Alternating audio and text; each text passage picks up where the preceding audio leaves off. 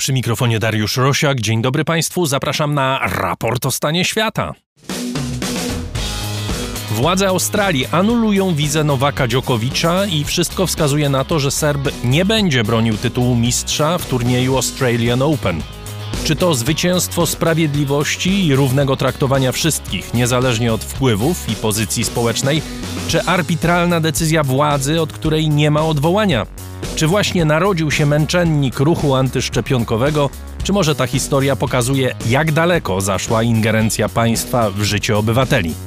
Lekarze amerykańscy przeszczepili serce świni śmiertelnie choremu człowiekowi. Czy wobec braku organów ludzkich przeszczepy organów zwierząt to przyszłość transplantacji? Korea Północna testuje pociski hipersoniczne, a południe wzywa do rozmów. Czy obie strony mówią tym samym językiem? Opowiemy też historię młodej amerykańskiej gwiazdy biznesu Elizabeth Holmes, która miała ratować świat, a może skończyć w więzieniu. Oraz o wystrzeleniu teleskopu Webba, który pozwoli nam dotrzeć w rejony kosmosu, których nigdy nie widzieliśmy.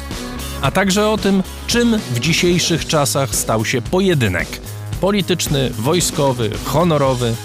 O tym wszystkim w raporcie o stanie świata 15 stycznia 2022 roku. Raport to program finansowany przez słuchaczy. Dzięki Państwu istniejemy i za to z serca dziękuję. Jeśli ktoś z Państwa miałby ochotę zostać patronem raportu, zapraszam na mój profil w serwisie patronite.pl. Za jego pośrednictwem najłatwiej nas wesprzeć.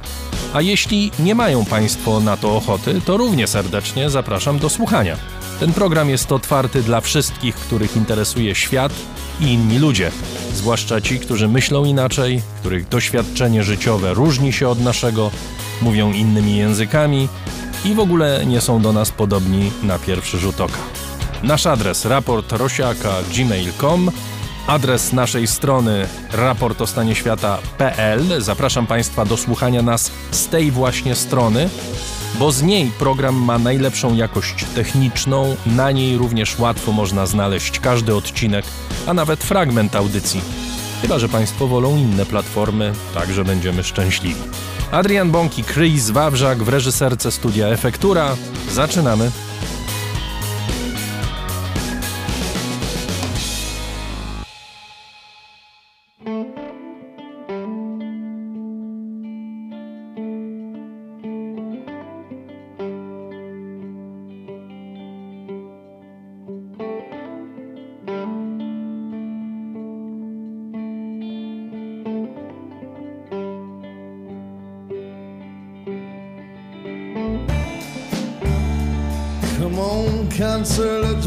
Outside.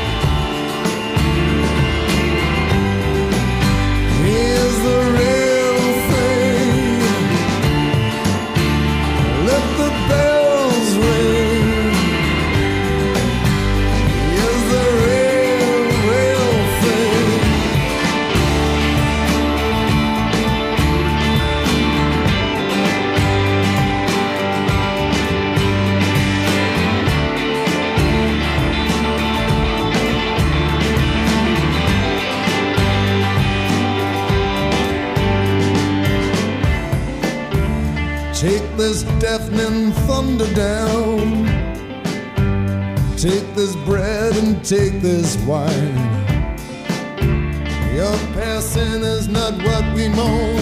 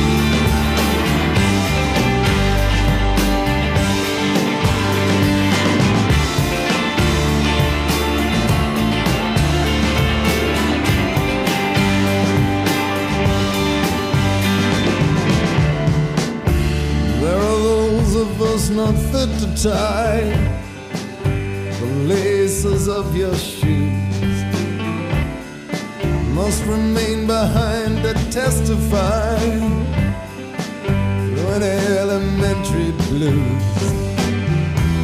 So let's walk outside the hours late through your crumbs and scattered shells where the odd and the mediocre to ring the bells. Well,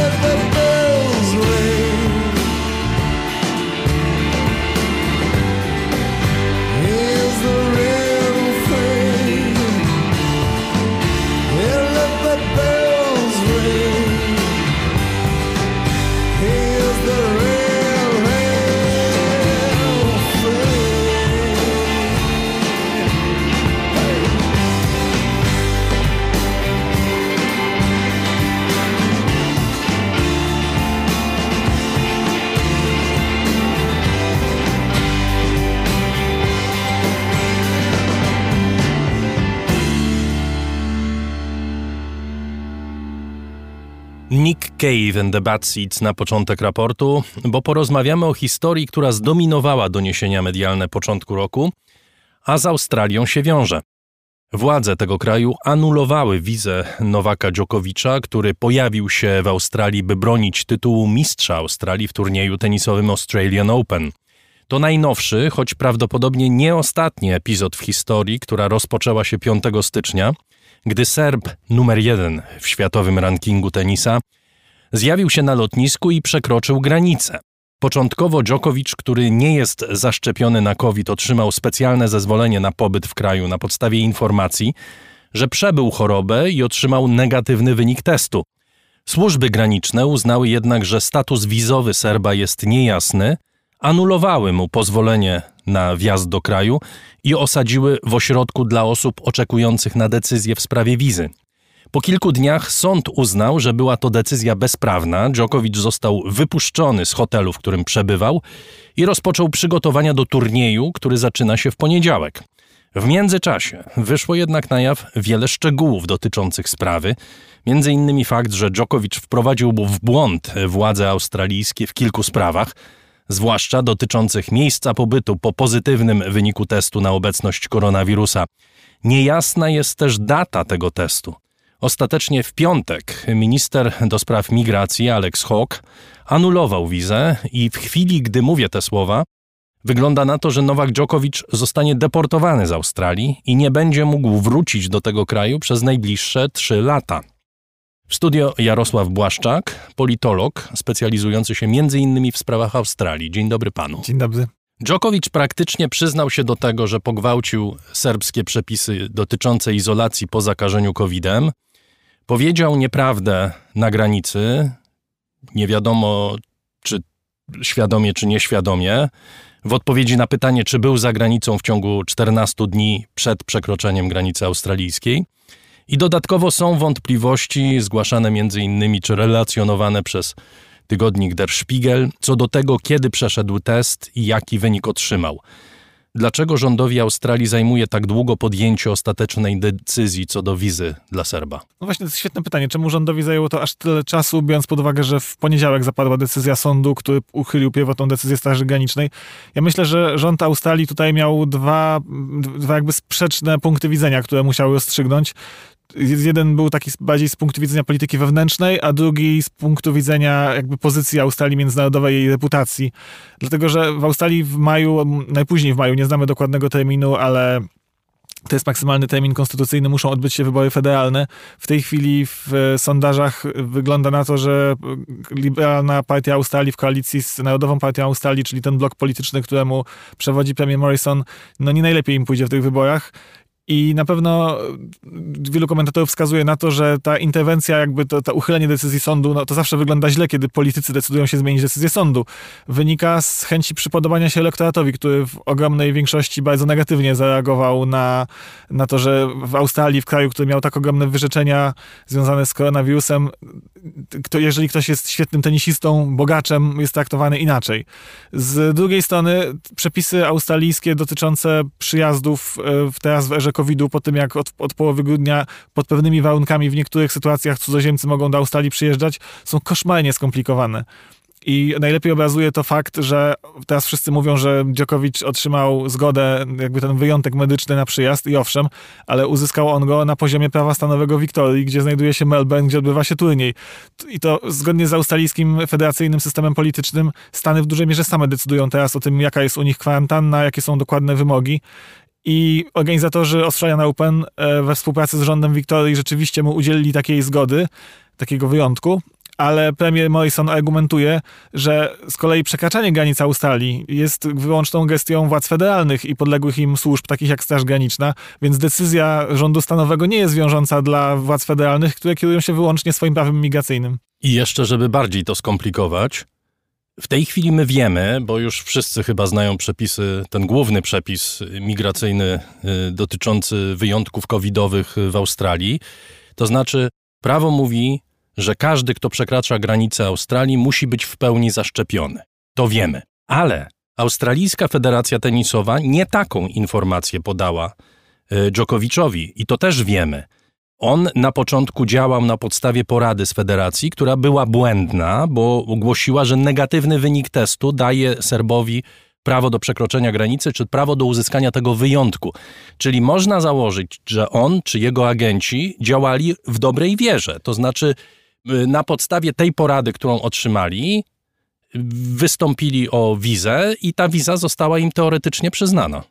Tak, i dokładnie ta argumentacja, którą pan przedstawił, była jakby w sercu E, tej decyzji poniedziałkowej sądowej, kiedy sędzia tak retorycznie zapytał, uzasadniając swoją decyzję, no co ten człowiek miał jeszcze więcej zrobić, działając w dobrej wierze.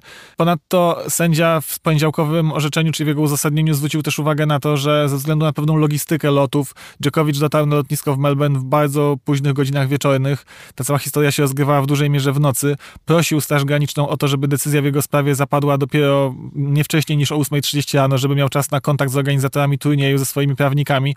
Tej prośby nie spełniono. Zabrano mu telefon, e, przetrzymywano go w warunkach stosunkowo dobrych, jak na standardy australijskiego prawa imigracyjnego, ale jednak w odosobnieniu pod strażą. E, a wręcz ze zeznań, które zostały przekazane australijskiemu sądowi, wynika, że funkcjonariusze go aktywnie zniechęcali do podejmowania jakichkolwiek działań prawnych. Na zasadzie niech pan siedzi spokojnie, czeka na lot powrotny i tak nic to panu nie da. E, więc sędzia tutaj uznał, że rzeczywiście, że Djokovic działał w dobrej wierze i co mógł więcej zrobić. Wspomniał Pan o tym, że zdecydowana większość Australijczyków popiera rząd akurat w sprawie takiej bardzo ostrej reakcji e, na tę sytuację i na wątpliwości Dżokowicza, ale czy Australijczycy nie mają jednak wątpliwości co do arbitralności tej decyzji ministra?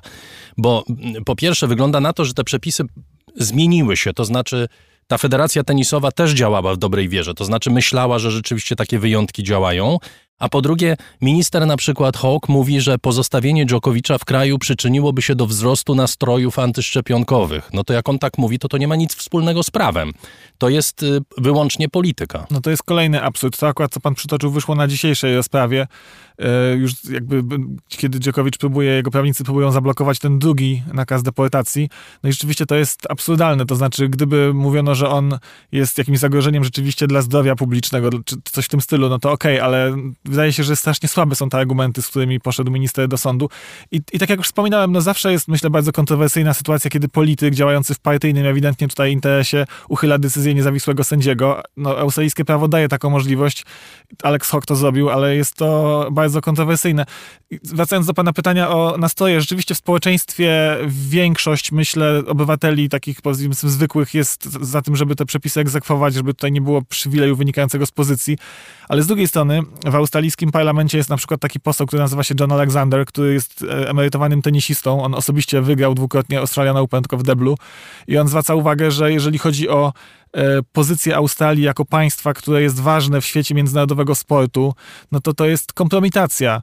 I gdybyśmy tutaj sięgnęli po politologię i przywołali na przykład teorię Josepha Naya o miękkiej sile, prawda, o tym, że państwa swoją kulturą też mogą przyciągać, swoim sportem i tak dalej, no to to, moim zdaniem jest to bardzo szkodliwe dla Australii. Nawet nie sam fakt, że takie zasady wprowadzono, tylko że są tak niekonsekwentnie egzekwowane. Australia jest krajem o bardzo ostrych przepisach y, migracyjnych. Czy Australijczycy akceptują te drakońskie przepisy i jak to w praktyce wygląda? Imigracja jest takim tematem, który naprawdę ma ogromne, ogromne znaczenie dla australijskiego społeczeństwa, w tym sensie, że jakiego byśmy nie wzięli właściwie okresu historii Australii, to zawsze imigracja była szalenie ważnym tematem politycznym. No, takim symbolem tego jest to, że kiedy powstała Federacja Australijska w 1901 roku, to pierwsza ustawa, jaką w ogóle przyjął nowo powstały parlament federalny, była o imigracji. To jest temat, który się ciągnie jakby zawsze w tej chwili e, też australijscy eksperci zwracają uwagę na to, że Djokovic został potraktowany wyjątkowo łagodnie, dlatego że gdyby taki przypadek jak y, anulowanie na granicy wizy nie przytrafiło się gwieździe, tylko przytrafiłoby się, y, nazwijmy to zwykłemu Kowalskiemu albo zwykłemu Smithowi, to no jeżeli, jeżeli nie chciałby natychmiast wsiąść do samolotu powrotnego, tylko chciałby składać odwołania i tak dalej, to prawdopodobnie trafiłby do naprawdę nieprzyjemnego ośrodka deportacyjnego i są duże szanse, że ten ośrodek nawet nie byłby w Melbourne, tylko na przykład byłby na wyspie Bożego Narodzenia, bo Australijczycy mają tendencję, żeby nielegalnych imigrantów trzymać w bardzo takich już odległych miejscach, w ogóle poza kontynentalną Australią. I to jest akceptowane przez Australijczyków. Jest. Australia w ogóle wychodzi z założenia, żebyśmy też nie pomylili dwóch problemów. To nie jest kwestia taka jak czasami w Polsce, że ja mam wrażenie, że w Polsce kontrowersje budzi to, czy my w ogóle mamy przyjmować uchodźców na przykład, czy w jakichś tam większych liczbach. W Australii zasadniczo jest zgoda społeczna co do tego, że uchodźcom na przykład trzeba pomagać, tylko że niech ci uchodźcy na przykład pójdą do australijskiej placówki dyplomatycznej i legalnie sobie załatwią wjazd linia y, tutaj oporu australijskiego społeczeństwa przebiega wokół kwestii nielegalnego wjazdu do Australii. I tutaj nie chodzi o to, żeby nikomu nie pomagać, tylko chodzi o to, żeby na przykład nie dopuszczać do sytuacji, że ktoś sobie, na przykład jakiś gang w Indonezji organizuje przerzut y, ludzi na łódkach, tak zwanych boat people, pomijając już, że na tym ta mafia zarabia, to ci ludzie próbują wjechać do Australii kompletnie poza jakąkolwiek kontrolą. I to jest jakby ten aspekt, który y, można powiedzieć jest sednem tego australijskiego sprzeciwu. Wiemy, że Djokovic ma się stawić na spotkanie z władzami imigracyjnymi w sobotę, więc jest pewna szansa, że w momencie, kiedy Państwo będą słuchać naszego programu, Serb już w ogóle zostanie deportowany. Jego prawnicy, teraz kiedy rozmawiamy, pracują nad tym, aby tak się nie stało. To jest też y, pytanie, y, które się pojawia przy okazji tego, że y, no jednak cała sprawa wynikła z tego, że Djokovic jest niezaszczepiony, prawda? To znaczy, gdyby tak mówią przynajmniej zwolennicy szczepień, czy zwolennicy podejścia od strony, powiedziałbym, sanitarnej, e, że gdyby Djokovic był zaszczepiony, to nie byłoby całej tej historii. Nie może być tak, że jeden minister decyduje o losie ludzi bez względu na to, czy są zaszczepieni, czy nie zaszczepieni. On jest dla części Australijczyków, a zwłaszcza dla części Serbów mieszkających w Australii, już męczennikiem, no na pewno pod tym względem jest to ryzykowne, bo jak pan już tutaj wspomniał, y, w Australii jest dosyć duża diaspora ludzi pochodzących z Bałkanów Zachodnich i z punktu widzenia szans, y, że ci ludzie w wyborach poprą y, liberalną partię Australii, to myślę, że właśnie one drastycznie spadły. Bo jasne, że Serbowie to traktują bardzo biorą to do siebie wszystko, przecież pomijając nawet diasporę, ale rząd Serbii i prezydent Serbii, pani premier Serbii bardzo mocno tutaj na Australię w tej sprawie naciskali. Natomiast tak, no ewidentnie, gdyby Dziokowicz zaszczepił się, gdyby nie zasłaniał się swoim prawem do prywatności, tego problemu by nie było. Tutaj też jest trochę problem, że być może władze Wiktorii, czy też organizatorzy turnieju inaczej zinterpretowali przepis federalny. Ja ten przepis wczoraj czytałem. On jasno mówi, że zwolnienie medyczne dla osób niezaszczepionych może być udzielone tylko w przypadku, gdy ktoś jest tak chory, że nie może bezpiecznie dla siebie przyjąć żadnej z dość długiej już listy szczepionek, które australijska Straż Graniczna akceptuje. I no, tutaj trwają dyskusje, czy jeżeli ktoś świeżo prze, przebył COVID, to znaczy, że nie może być zaszczepiony. No ale Djokovic otrzymał wizę na ten turniej yy, od australijskich służb yy, granicznych w połowie listopada. Więc gdyby w połowie listopada był zaszczepiony już wtedy, wiedząc, że na ten turniej jedzie i że jest taki wymóg, no to w ogóle nie, nie rozmawialibyśmy dzisiaj o tym tutaj. Jest jeszcze jeden aspekt chyba, o którym warto wspomnieć. Mieliśmy zupełnie groteskowe wystąpienia przy okazji tej historii, między innymi tour Nigela Farage'a po Europie w, w Serbii był, e, nagle zaczął się interesować losem wschodnich Europejczyków. Człowiek, przypomnijmy, jeden z założycieli Partii Niepodległości Zjednoczonego Królestwa, całe swoje życie spędził w zasadzie na tępieniu migrantów z Europy Wschodniej i Wielkiej Brytanii. Czy Australijczycy widzą absurd takich poczynań, takich y, historii? Szczerze powiedziawszy, jak śledzę australijskie media, to nie zauważyłem, żeby akurat występy Farage'a tam jakoś szczególnie zostały zauważone. Myślę, że to jest skierowane... W ogóle Farage jest takim politykiem, który mam poczucie, że po tym, jak Wielka Brytania zdecydowała o wystąpieniu z Unii, to troszeczkę szuka swojego nowego miejsca, jakoś próbuje pozostać na scenie, nie wiedząc dokładnie z jakiego powodu i po co.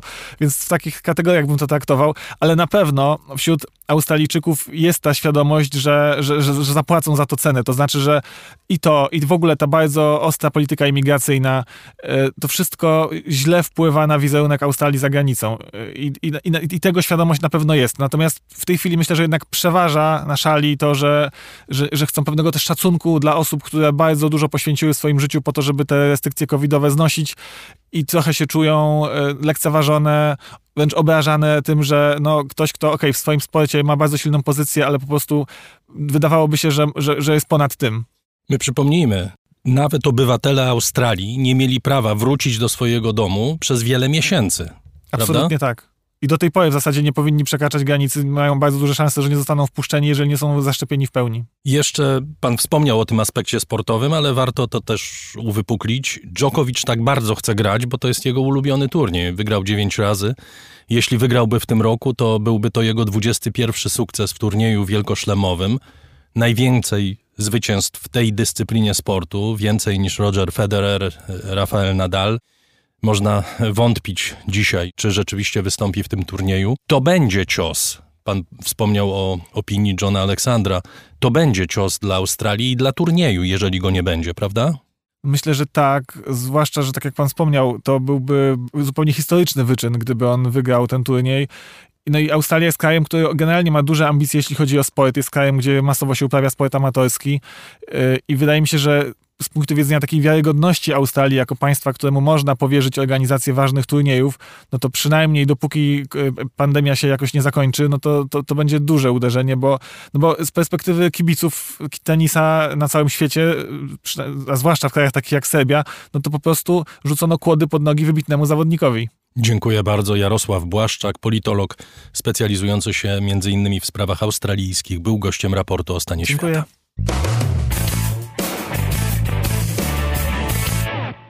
57-letni Amerykanin David Bennett został pierwszym człowiekiem, któremu wszczepiono serce od genetycznie modyfikowanej świni.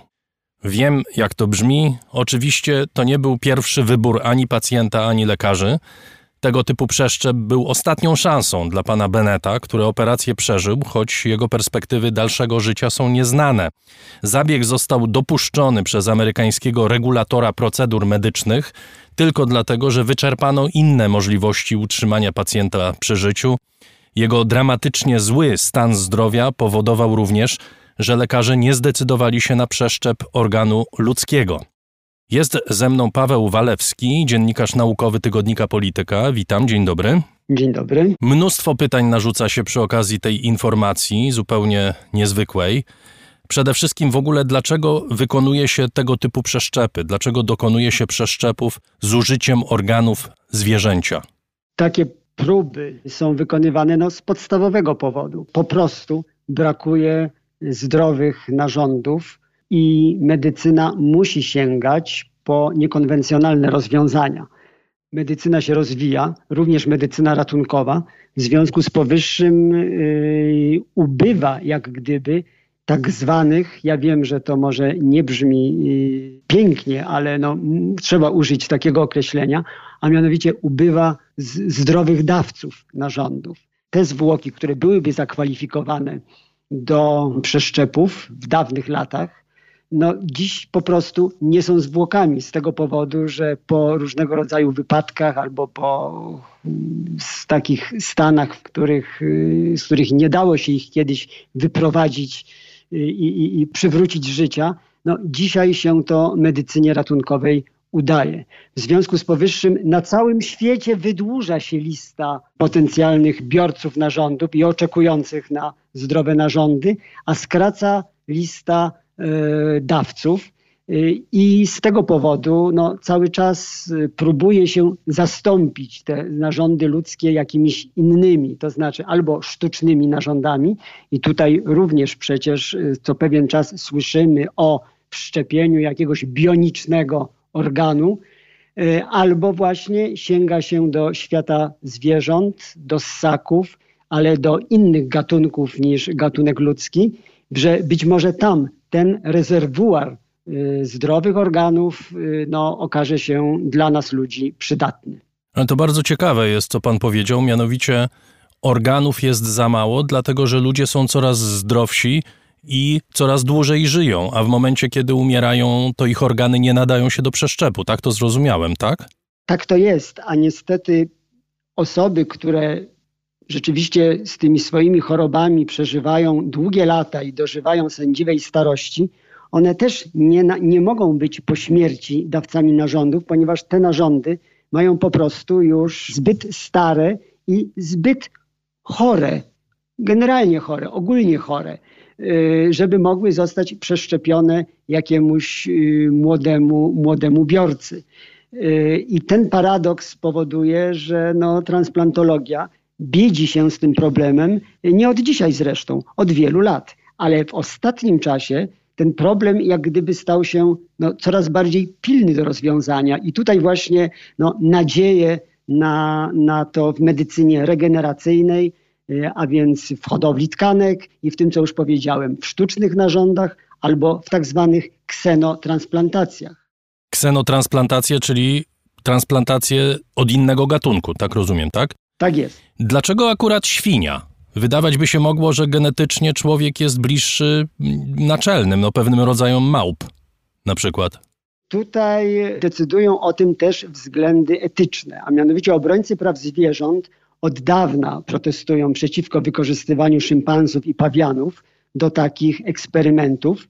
Natomiast według naukowców świnie są dlatego preferowanym wyborem, ponieważ po pierwsze szybko rosną, a po drugie wielkość ich narządów jest bardzo podobna do tych, które są w naszym ludzkim organizmie.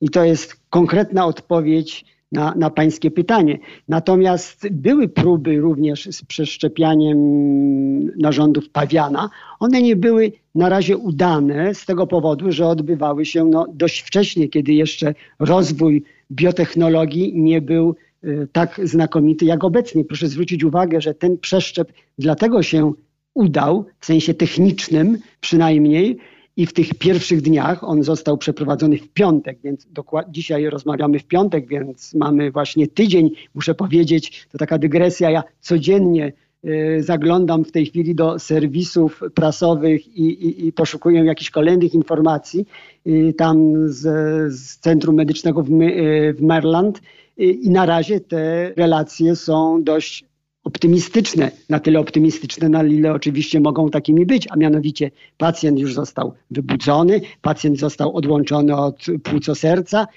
Wszystko odbywa się jak gdyby zgodnie z planem, a nawet jak powiedział główny operator i transplantolog przeprowadzający ten zabieg, nawet ten przebieg tej rekonwalescencji w bardzo pierwszym, na wczesnym etapie jest nawet szybszy niż początkowo zakładano. Ale jeszcze wracając do, do pańskiego pytania, no może warto byłoby tutaj też y, powiedzieć naszym słuchaczom, że ten sposób, ta, ta, ta nadzieja, jaką pokładano w świecie zwierząt jako dostawców tkanek dla, dla ludzi, nie zaczęła się ani wraz z tą operacją, ba, nie zaczęła się nawet w latach 80., kiedy właśnie przeszczepiono serce pawiana małemu dziecku, niemowlęciu, które urodziło się przedwcześnie no, z bardzo zaawansowaną wadą serca i żyło tylko 20 dni.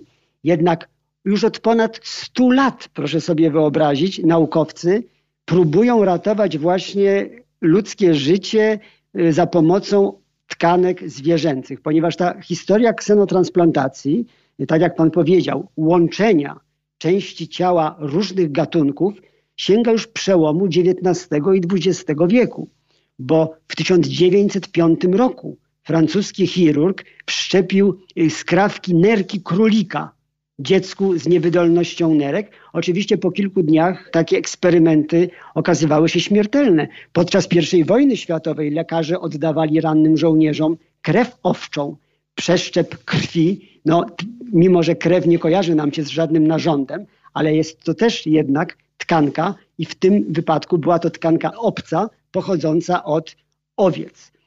Idźmy dalej. We wczesnych latach dwudziestych rosyjski chirurg Woronow przeszczepił kawałki jąder pawiana mężczyznom. Następnie na wrzody oparzenia na skórę oparzoną nakładano świńską skórę. Taka pierwsza próba, bardziej powiedzmy sobie naukowa, została podjęta w latach 60., kiedy właśnie w Stanach Zjednoczonych przeprowadzono 13 przeszczepów nerek z wykorzystaniem znowu szympansów jako dawców i z taką y, parą nerek dawcy ludzki pacjent, że tak powiem, żył przez 9 miesięcy, a więc no, nie, był to, nie był to okres krótki. Oczywiście jest bardzo duża różnica między przeszczepem nerki a między przeszczepem serca. No więc zobaczymy, jak y, historia pana Beneta potoczy się y, w tym wypadku, bo jest to niewątpliwie pierwszy tego rodzaju zabieg w historii medycyny, kiedy cały narząd został właśnie przeszczepiony i, i, i włożony niejako do organizmu człowieka. I jeszcze, jeśli jesteśmy przy historii, jeśli ktoś oglądał film e, znakomity o profesorze Zbigniewie Relidze, to wie, że również profesor Religa próbował przeszczepu serca świni, prawda? Tak, tak. Pamiętam, e, kiedy rozmawiałem z panem profesorem Religą, kiedy był ministrem zdrowia.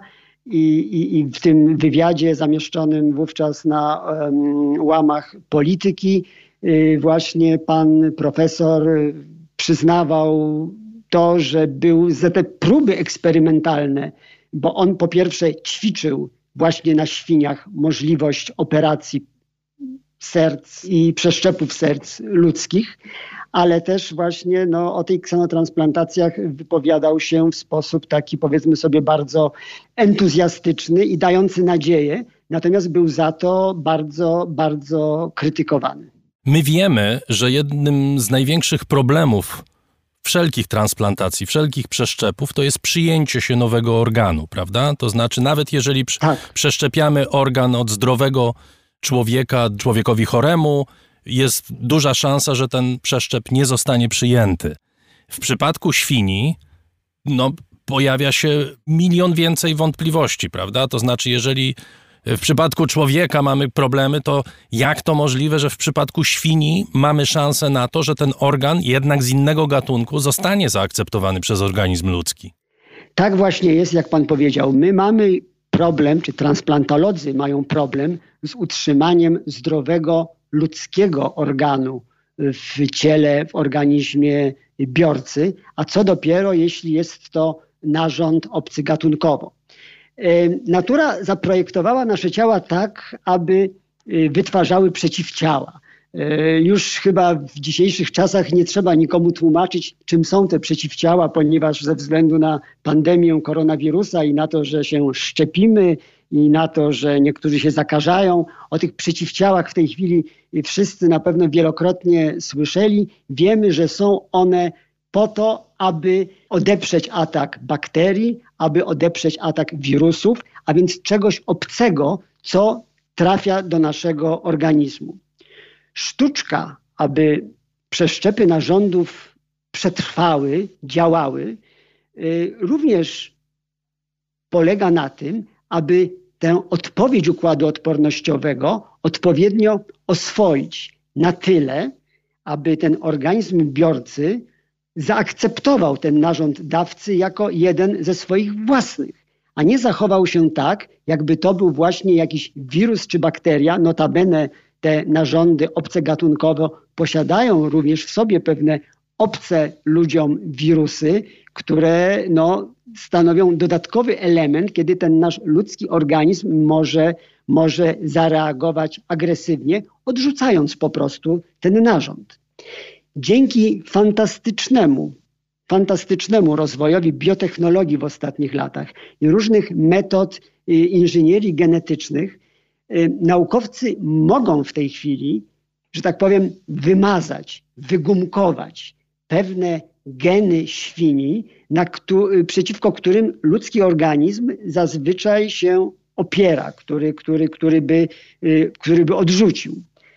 Jedną z takich barier, których nie ma już u takiej świni, jaka została tutaj wykorzystana, a więc zmodyfikowana do celów badawczych, jest taka cząsteczka zwana alfa-gal. To jest cząsteczka cukrowa, y, żeby już być zgodnym z nauką, to, to jest to rodzaj oligosacharydu, czyli takiego wielocukru, obecnego w komórkach ssaków nienależących do naczelnych, na który człowiek reaguje alergicznie. I ta zmodyfikowana genetycznie świnia nie ma tego genu odpowiedzialnego za produkcję cząsteczek zwanych alfa-gal, została go pozbawiona. W związku z powyższym ten narząd mógł w sposób, no, że tak powiem, bardziej bezpieczniejszy zostać przeszczepiony panu Bennettowi. To, co jest jeszcze y, również, wydaje mi się, warte podkreślenia, to to, że po takim przeszczepie każdy pacjent y, zdrowego, po każdym przeszczepie serca czy nerki, pacjenci muszą zażywać odpowiednie leki odpowiednie leki, które właśnie modyfikują ich układ odpornościowy na tyle, aby przeszczep został przyjęty, aby odrzut tego narządu się nie pojawił. I w tym wypadku zastosowano nowy lek, nowe przeciwciało monoklonalne, które zostało opracowane przez takiego pana profesora, który się nazywa Mohiuddin. On również pracuje w tym centrum medycznym w Maryland, gdzie dokonano tej operacji i był również przy tej operacji i on już od lat 90, y, od lat y, bodajże 20 pracował nad taką nową cząsteczką, która mogłaby właśnie jak gdyby działać y, przygotowując, zmieniając ten układ odporności biorcy, czyli w tym wypadku pana Beneta, aby nie doszło do jakiegoś takiego agresywnego odrzutu. Zobaczymy w tej chwili, jak ta cząsteczka zadziała. No, widać, że na razie po tygodniu Y, sprawuje się świetnie, ale to, co myślę będzie y, tutaj bardzo ciekawe dla e, naszych słuchaczy, y, to powiedzieć, że pan dr Mohiuddin jest z narodowości pakistańskiej. On przeniósł się do Stanów Zjednoczonych na początku lat 90. po ukończeniu Uniwersytetu Medycznego w Karachi jako jeden z niewielu praktykujących muzułmaninów uważa, że używanie organów wieprzowych, świńskich jest w porządku, że pomaga ratować ludzkie życie. Ponieważ wielu islamskich uczonych twierdzi, że używanie świn do przeszczepu narządów powinno być zabronione. Tak jak o czym mówiłem tutaj na początku, obrońcy praw zwierząt od dawna protestują przeciwko wykorzystywaniu naczelnych, a więc szympansów i pawianów do takich eksperymentów, tak również w świecie muzułmańskim istnieje y, dość duży opór przeciwko eksperymentom z wykorzystaniem narządów świńskich. Ale pan y, profesor Mohiuddin myśli inaczej. Y, jego cała kariera naukowa jest związana z taką właśnie transplantologią doświadczalną, eksperymentalną. No i zobaczymy, i zobaczymy, czy ta jego cząsteczka, która jest bardzo specyficzną cząsteczką, będzie realnym wsparciem przy tego rodzaju zabiegach. Jeszcze jedna być może ważna rzecz y, przy okazji takiego technicznego spojrzenia na tę procedurę. To była świnia genetycznie zmodyfikowana, pewne jej elementy zostały genetycznie zmodyfikowane, to znaczy, że te świnie są hodowane specjalnie po to, żeby były dawcami?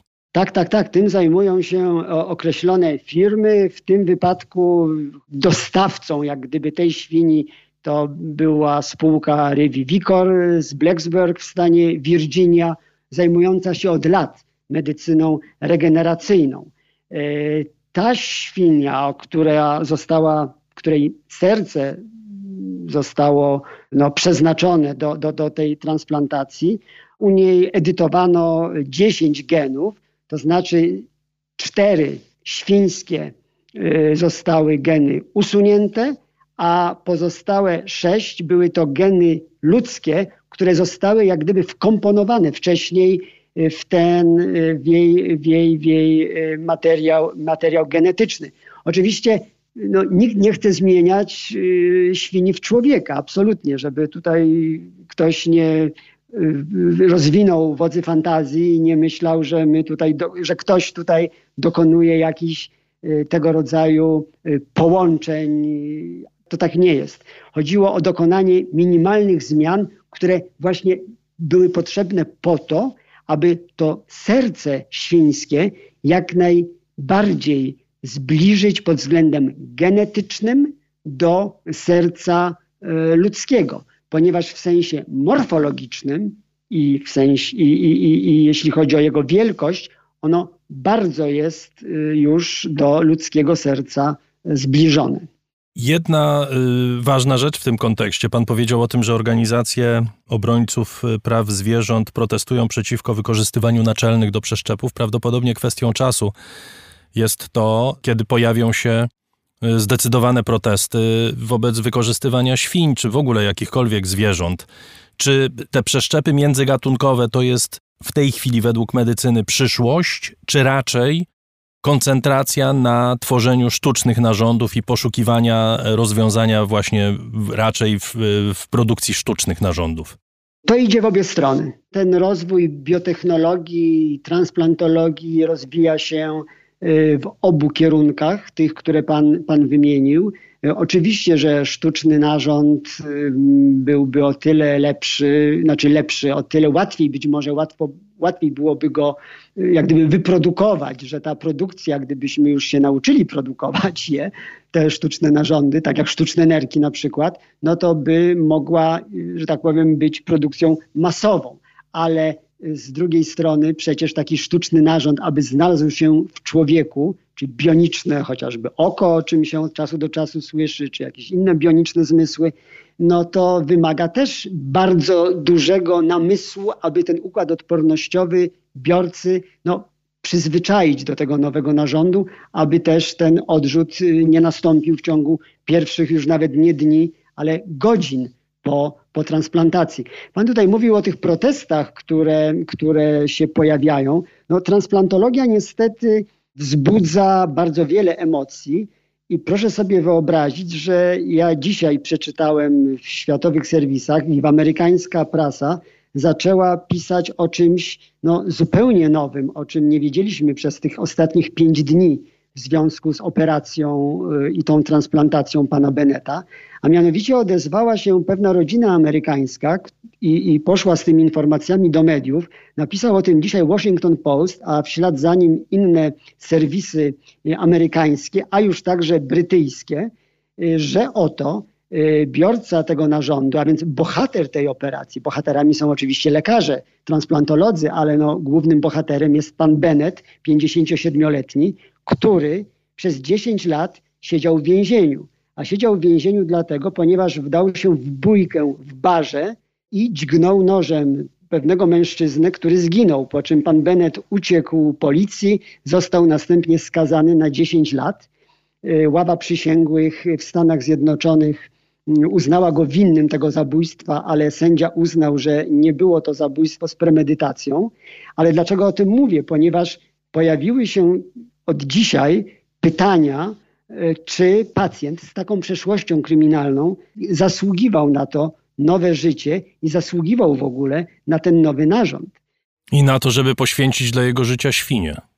Szpital, który do tej pory szczycił się tą y, operacją i z którego dowiadujemy się, że jak codziennie wygląda w tej chwili rekonwalescencja pana Beneta, no, wydał oświadczenie, że nie interesuje go ta kryminalna przeszłość, ponieważ y, zapewnia opiekę ratującą życie każdemu pacjentowi, który przechodzi przez ich próg i w oparciu o potrzeby medyczne, a nie jego okoliczności życiowe. I to jest oczywiście y, no, rzecz y, bezdyskusyjna.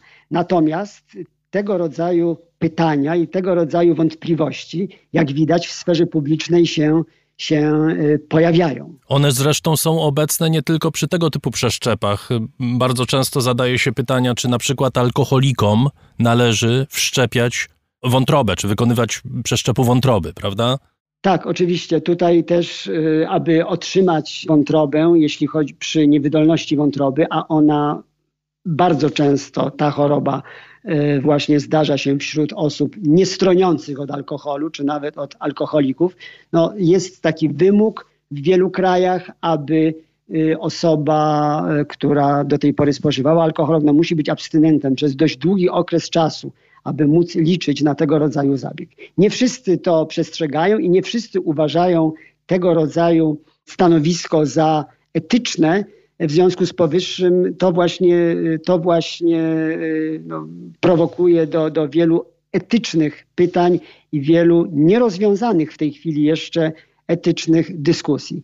Y, dla nie, niektórzy po prostu są oburzeni, że osoba, jak w tym wypadku, w wypadku pana Beneta, skazana za brutalne przestępstwo, no, otrzymała organ, którego inni tak bardzo potrzebują. Z drugiej strony, ten zabieg nie mógł być wykonany u każdego pacjenta z listy oczekujących na zdrowe serce. Y, ten y, pacjent przez 57 dni Y, leżał przypięty do y, aparatury i jego stan y, zdrowia nie pozwalał na skorzystanie ze zdrowego narządu ani z żadnej innej metody wyprowadzenia go z tej niewydolności serca. To była ostateczność, na którą się on zgodził i którą zaproponowali mu lekarze. I jak rozumiem, przynajmniej tydzień przeżył. To jest jak rozumiem, też y, najdłużej po tego typu transplantacji, tak? Czy to, czy no, to jest... To dziecko, to niemowlę żyło 20 dni, Aha. tylko że był rok 1984 y, z przeszczepionym sercem pawiana. Y, więc te 7 dni w tej chwili to jeszcze jest zbyt krótki czas, żebyśmy mogli mówić o jakichś rekordach, aczkolwiek ze wszczepionym sercem świni, no to na razie jest to pierwszy taki pacjent. Bardzo dziękuję. Paweł Walewski, dziennikarz naukowy tygodnika Polityka, był gościem raportu o stanie świata. Dziękuję bardzo. Dziękuję bardzo. Do widzenia.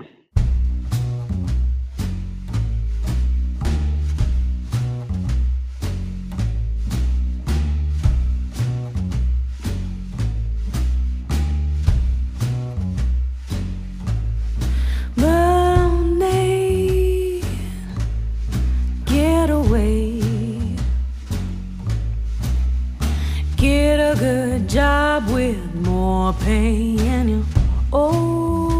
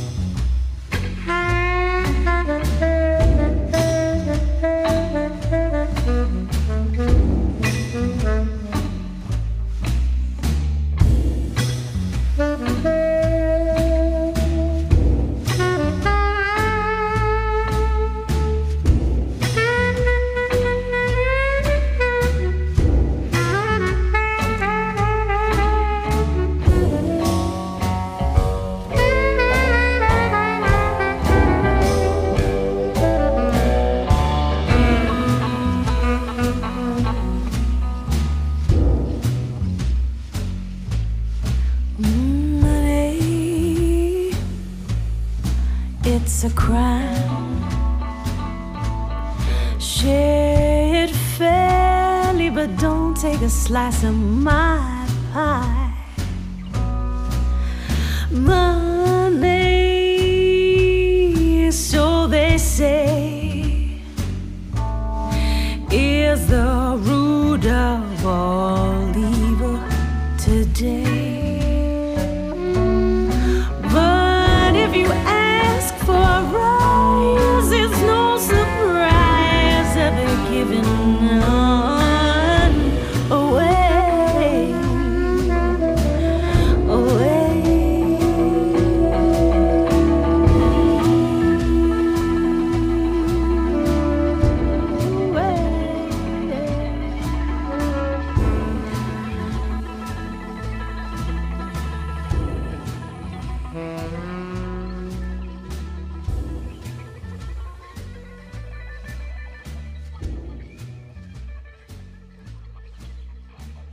Indra Rios Moore, amerykańska piosenkarka jazzowa w tej, przyznają Państwo, zaskakującej wersji klasyka zespołu Pink Floyd.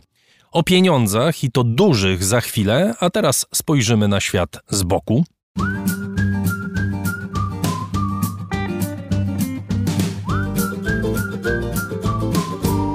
Nasz boczny obserwator Grzegorz Dobiecki dziś zajął się sprawą pojedynku, czyli starcia dwóch osób, z których każda chce zrobić krzywdę tej drugiej.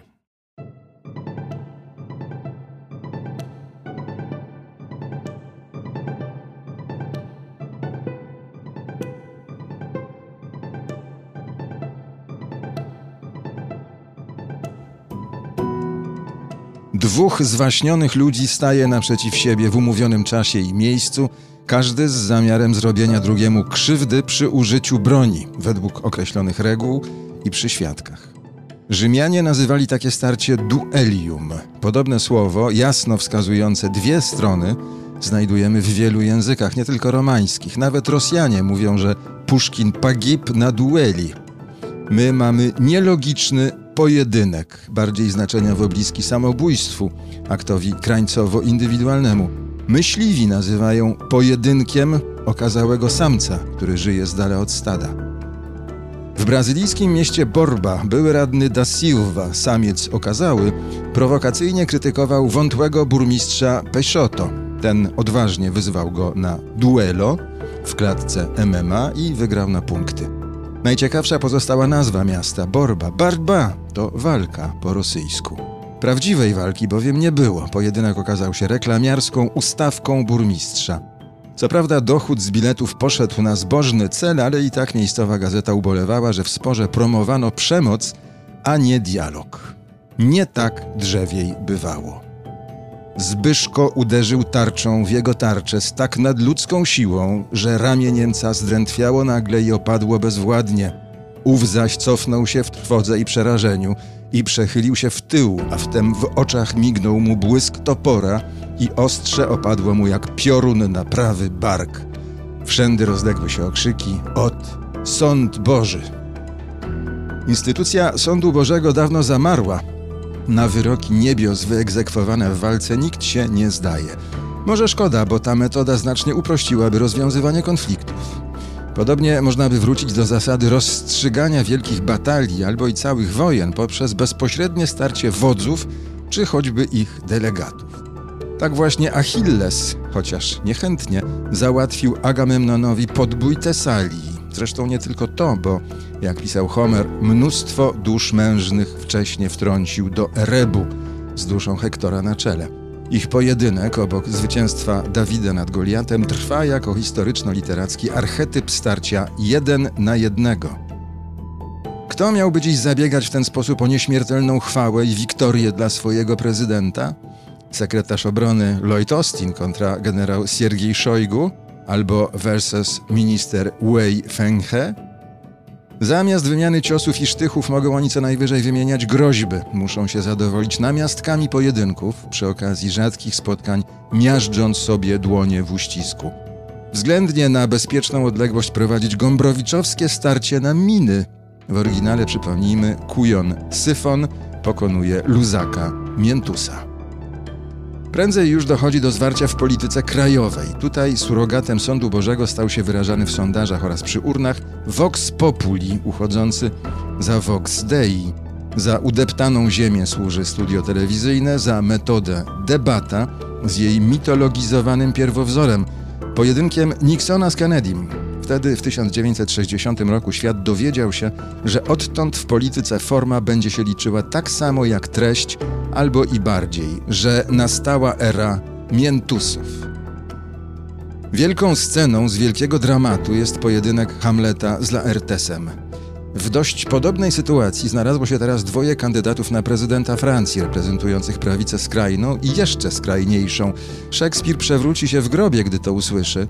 No ale czy Marine Le Pen i Eric Zemmour, jak tamci dwaj, też nie używają broni unurzanej w tej samej retorycznej truciźnie?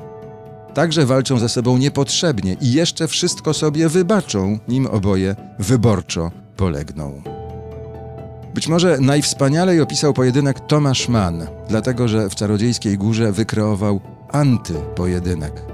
Choć pretekstem staje się błahostka, spór między Settembrinim a naftą jest fundamentalny, ale też wzajemny szacunek ogromny, właściwie to skrywana przyjaźń. Settembrini strzela więc w powietrze, nafta strzela sobie w skronie. Czy tak zachowałby się szef putinowskiej Gwardii Narodowej Wiktor Zołotow, który wyzwał Aleksija Nawalnego? Wolne żarty. Opozycjonista wyzwanie podjął, tyle że chciał debaty, a nie bójki. To też siedzi w łagrze. Pojedynek permanentny, rozłożony na kilkanaście lat, opisuje z kolei w jednym z opowiadań Józef Konrad.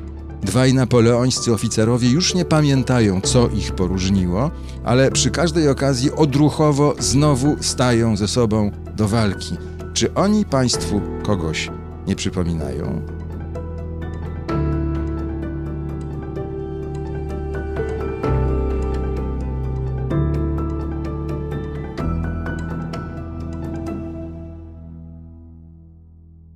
Szanowni Państwo, bardzo mi miło powitać w studio Agatę Kasprolewicz. Dzień dobry. Dzień dobry. A to z kilku powodów. Pierwszy to taki, że wracamy z raportem o książkach i to od razu w wydaniu specjalnym. Tak, w wydaniu specjalnym, bo bardzo hucznie, literacko-muzycznie uczcimy powrót do raportu o książkach w nowym roku, literacko-muzycznie i z udziałem publiczności, bo spotkamy się w wyjątkowym miejscu. Promie kultury w Warszawie na Saskiej Kępie. Liczę na Państwa obecność, ale mam nadzieję, że frekwencja będzie większa niż ta, którą zakłada liczba miejsc w promie kultury na Saskiej Kępie, bo wydarzenie będzie transmitowane i mam nadzieję, że zobaczymy się na kanale Dariusza Rosiaka na YouTubie, prawda? Bo właśnie w ten sposób będziemy transmitować ten pierwszy w 2022 roku raport o książkach. I jeszcze chwila na temat programu. Oczywiście będzie transmisja na moim kanale YouTube'owym, będzie transmisja na fanpage'u Promu Kultury na Facebooku, jeżeli ktoś woli, również zapraszamy. Ale opowiedzmy y, trochę na temat y, znakomitych gości, którzy będą z nami. Piotr Kamiński, Jarosław Mikołajewski, Grzegorz Wasowski to jest ta część literacka, o której za chwilę powiem, a część muzyczna to jest e, Piotr Zubek, Bogdan Hołownia, Michał Jaros, którzy zagrają dla nas i zaśpiewają piosenki kabaretu starszych panów z uwagi na odrobinkę spóźnione świętowanie przez nas 106 urodzin Jeremiego Przybory. To jest ta część muzyczna. I dodajmy, że y, współpracujemy w tej właśnie dziedzinie, w ogóle współorganizatorem tego wydarzenia jest Fundacja Wasowskich i bardzo się z tego powodu Nasi wspaniali patroni, tak. cieszymy. Tak. A część literacka. A część literacka no właśnie, właśnie. część literacka jest taka trochę przewrotna, no bo nowy rok to nowe książki, no w ogóle taki powiew nowości, prawda? A my sięgniemy do książek, które nowe nie są wcale, bo to są książki sprzed kilkuset lat nawet, tak jak Boska Komedia, którą przetłumaczył Jarosław Mikołajewski, czy dzieła Szekspira, które po raz kolejny interpretuje w roli tłumacza Piotr Kamiński, czy też Alicja w Krainie Czarów. Nie, nie, nie, nie, nie, nie, nie. To źle. Perypetie, perypetie Alicji na Czarytorium. A no właśnie, i ten tytuł, ten nowy tytuł Alicji w Krainie Czarów autorstwa Grzegorza Wasowskiego y, zdradza już mniej więcej kierunek tej naszej literackiej podróży w styczniu 2022 roku. Jak literaturę wskrzeszają tłumacze, jak można się bawić słowem. Jak y, no właśnie słowem można sprawić, że tekst, który wydaje się, że ma taką formę bardzo statyczną, no bo raz jak ten tusz już zaschnie na stronie, to wydaje się, że tak musi sobie trwać. Nieprawda. Ja zresztą bardzo lubię mówić właśnie, że literatura jest takim żywym organizmem, który nabiera nowych znaczeń. No najlepszy dowód, jeżeli znowu tłumaczymy boską komedię, Mhm. jeżeli znowu tłumaczymy Szekspira, znowu tłumaczymy dzieło Louisa Carola, Tak. To znaczy, że jest potrzeba. I Mamy... dostrzegamy w tym nowe treści, nowe znaczenia, nowe wartości. No, któż by pomyślał, że Dante jest być może jednym z pierwszych i być może jednym z najbardziej ekstremalnych reporterów świata, prawda? Nie Bo zdradzaj. wyruszył bardzo Nie- daleko. Nie zdradzaj Już jeszcze koniec. wszystkiego. Tak jak Agata wspomniała, będą nam towarzyszyć y, Bogdan Hołownia przy fortepianie, Michał Jaros Przy kontrabasie. przy kontrabasie. Śpiewał będzie Piotr Zubek, fantastyczny zespół, który y, zaprezentuje y, też nowe wersje piosenek z kabaretu starszych panów i nie tylko, i nie tylko. Czeka nas też pewna niespodzianka. Mam nadzieję. Będziemy dzielić się upominkami z Państwem. Dla chętnych będą książki do nabycia, książki, o których porozmawiamy. Przypominam, prom kultury o 19 w poniedziałek. Biletów już nie ma, mamy taką informację. Ale jeśli osobiście Państwo tam nie będą, to zapraszam, tak jak powiedziałem, na mój kanał e, na YouTubie albo na fanpage Promu Kultury na Facebooku, poniedziałek 17 stycznia o 19. I jeszcze jeden powód Twojej obecności wśród nas, bo wraca raport z przyszłości. Słuchacze domagają się wznowienia serii i wznowienie nastąpi. Kiedy i czym? No, zaczynamy kontynuację raportu z przyszłości, czyli cztery ostatnie odcinki. 1 lutego, więc y, prace już trwają. 1 lutego pierwszy z tej czwórki, prawda? Tak, pierwszy z czterech ostatnich, 1 lutego. Zdradzę, że y, wśród tych y, czterech ostatnich tematów będzie miasto, wojna, śmierć i człowiek. jak to się zmienia i jak będzie wyglądał człowiek, jak będzie wyglądała śmierć, Tak. jak będzie wyglądało miasto. Jak zmieniają się znaczenia, definicje tych pojęć, które są właściwie no, takim budulcem naszej rzeczywistości, a wszystko się zmienia, świat przyspiesza. No i bardzo się cieszę, że znów spotkamy się w tym formacie raportu z przyszłości, korzystając z tej okazji, że e, jestem w studiu no, po długiej przerwie.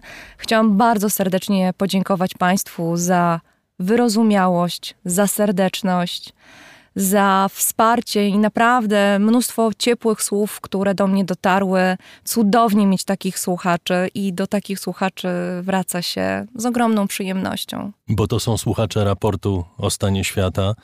Drodzy Państwo, bardzo się cieszę, tak samo jak Agata, że jesteście z nami, bo to wszystko, co robimy, możliwe jest właśnie dlatego, że jesteście z nami.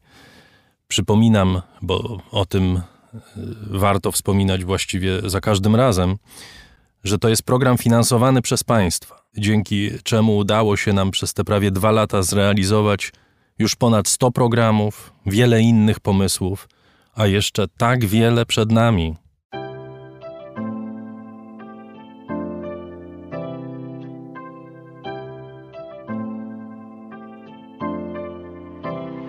Raport o stanie świata od marca 2020 roku rozwija się dzięki Państwa zaangażowaniu i szczodrości.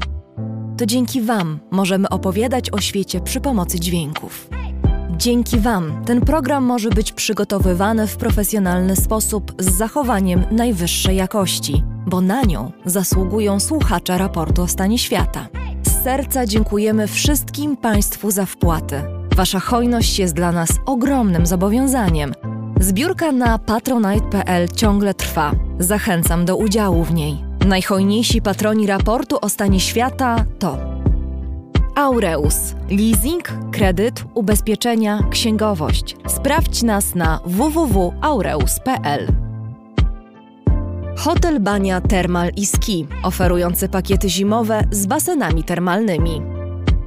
Biblioteczka Net, książkowy abonament, co miesiąc prosto do domu. Bierzesz i czytasz. Firma doradcza Crido. handyhand.pl Zapewnimy nadzór nad Twoją budową, sprawdzimy stan techniczny lokalu przed zakupem lub odbierzemy go od dewelopera. Kantory Kanga, sieć stacjonarnych kantorów kryptowalutowych w Twoim mieście. Sebastian Kazek, EduNavigator, szkolenia z pierwszej pomocy. Centrum Roślin Doniczkowych Ładne Kwiatki Tomaszewski w Warszawie. tomaszewski.pl Razem w przyszłość. Polsko-Japońska Akademia Technik Komputerowych. Warszawa, Gdańsk, Bytom. Firma Prosper z Sosnowca, hurtownia elektroenergetyczna i właściciel marki Czystuś. Firma Venterm z Niepołomic, generalny wykonawca instalacji sanitarnych i odnawialnych źródeł energii. Catering dietetyczny Lightbox, oferujący dietę pudełkową z wyborem potraw z różnych kuchni świata. Michał Małkiewicz. Firma Software Mill. Od zawsze zdalni. Programują dla całego świata. Dom wydawniczy Muza. Bo świat nie jest nam obojętny. Uber. Myślimy globalnie, działamy lokalnie. A także firma Ampio Smart Home. BIMV.pl. Kursy online dla inżynierów. CIO Net and Digital Excellence. Łączymy ludzi i idee. Grupa brokerska CRB. Ubezpieczenie należności dla Twojej firmy. Bezpłatne porównanie ofert www.grupacrb.pl. Mariusz Drużyński.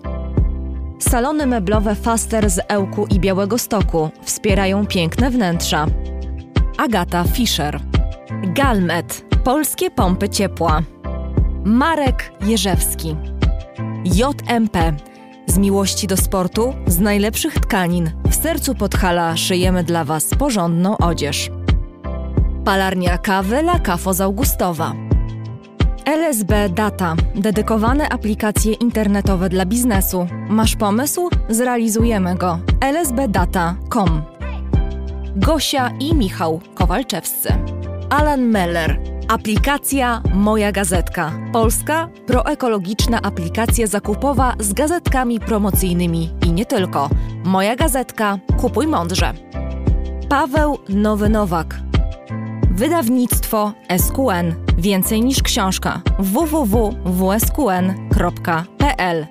Drukarnia cyfrowa totem.com.pl. Dla nas książka zasługuje na najwyższą jakość.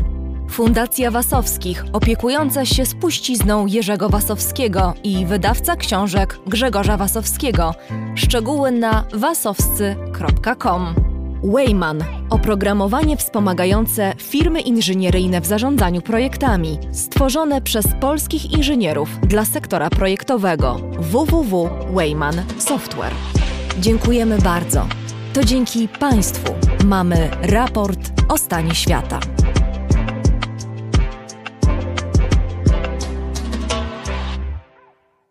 Amerykańska bizneswoman Elizabeth Holmes, której firma miała zrewolucjonizować badania krwi na świecie, została uznana przez sąd federalny za winną oszustwa i zmowy. Grozi jej do 20 lat więzienia.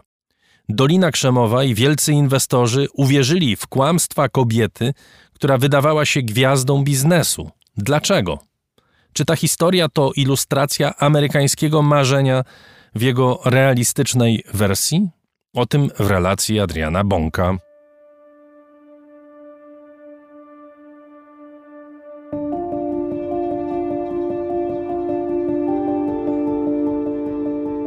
Elizabeth Holmes była na samym szczycie. Miała wszystko: sławę, pieniądze, rozliczne kontakty i przyjaźnie, powodzenie wśród mężczyzn. Była wschodzącą gwiazdą Doliny Krzemowej i wchodziła właśnie w drugą dekadę swojego życia. Zapytana przez dziennikarkę CBC w słynnym programie 60 minut, jak to jest być najmłodszą miliarderką zawdzięczającą sukcesy samej sobie, odpowiedziała: To nie ma wielkiego znaczenia. Liczy się to, co robimy, żeby poprawić ludziom życie. Dlatego się tym zajmuję, dlatego pracuję i dlatego tak lubię to, co robię. Elizabeth Holmes miała 19 lat, gdy porzuciła naukę na prestiżowym Uniwersytecie Stanforda. Była tam gwiazdą, jedną z najlepszych studentek. Wieszczono jej wielką przyszłość. Studiowała inżynierię chemiczną. Szybko dostała stypendium na własny projekt. Ponieważ zawsze fascynowała ją medycyna, a jednocześnie jak ognia bała się strzykawek i igieł, projekt miał dotyczyć badań krwi. Holmes od małego myślała, co też można by zrobić, żeby usprawnić badania krwi, żeby uczynić je bardziej komfortowymi, bardziej hmm, ludzkimi, żeby to po prostu nie wyglądało tak jak tortury, mówiła na jednej z konferencji naukowych TED i dodawała, że ludzie często rezygnują z badań krwi, co później może mieć tragiczne konsekwencje. The right to protect the health and well-being Prawo do ochrony zdrowia, także tych, których kochamy, jest najbardziej podstawowym prawem człowieka.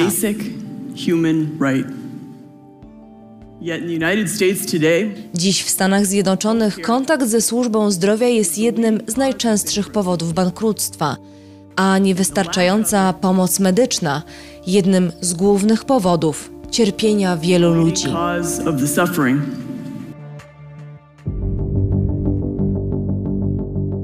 Swoją drogą, czy zauważyli Państwo coś dziwnego w wypowiedzi Elizabeth Holmes? Posłuchajmy raz jeszcze. The right to protect the health and well-being of every person, of those we love, Holmes na spotkaniu TED mówi niskim, wręcz barytonowym głosem. Robiła to celowo, najpewniej po to, żeby być traktowaną bardziej poważnie w świecie wielkiego biznesu, chcąc nie chcąc zdominowanego przez mężczyzn.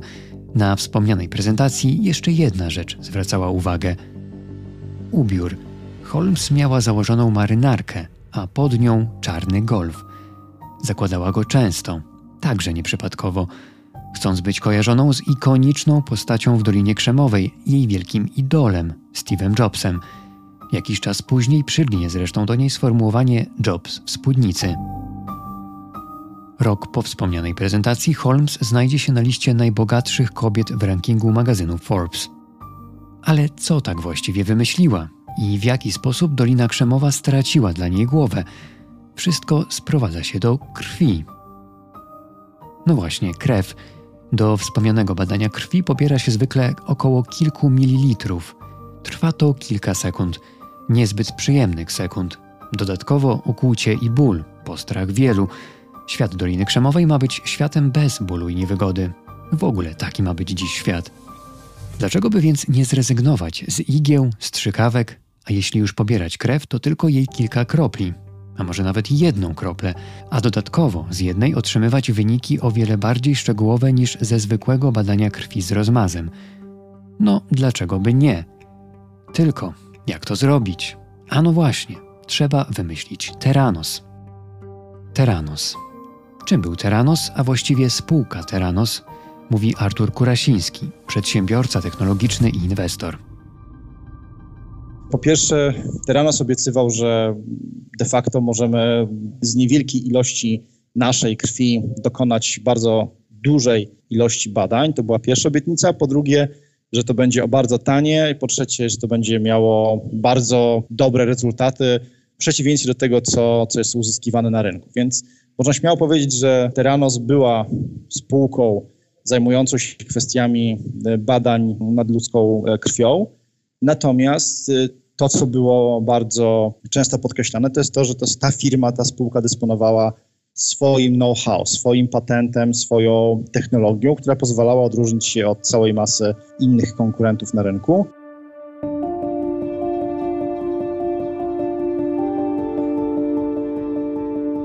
I tak zaczęło się od startupu. W krótkim czasie zrobiło się o nim głośno, nie tylko w Dolinie Krzemowej, ale w całych Stanach Zjednoczonych. To pociągnęło za sobą kolejnych inwestorów. W Teranos bez mrugnięcia okiem inwestowali także ludzie spoza branży. Między innymi były sekretarz stanu USA George Shultz, potentat medialny Rupert Murdoch czy najbogatsza rodzina Ameryki, Waltonowie. To pociągnęło za sobą falę domina. W końcu z takimi twarzami i portfelami wiarygodność Holmes rosła. Aż wreszcie przyszedł rok 2015, czyli ten, gdy Holmes była na samym szczycie.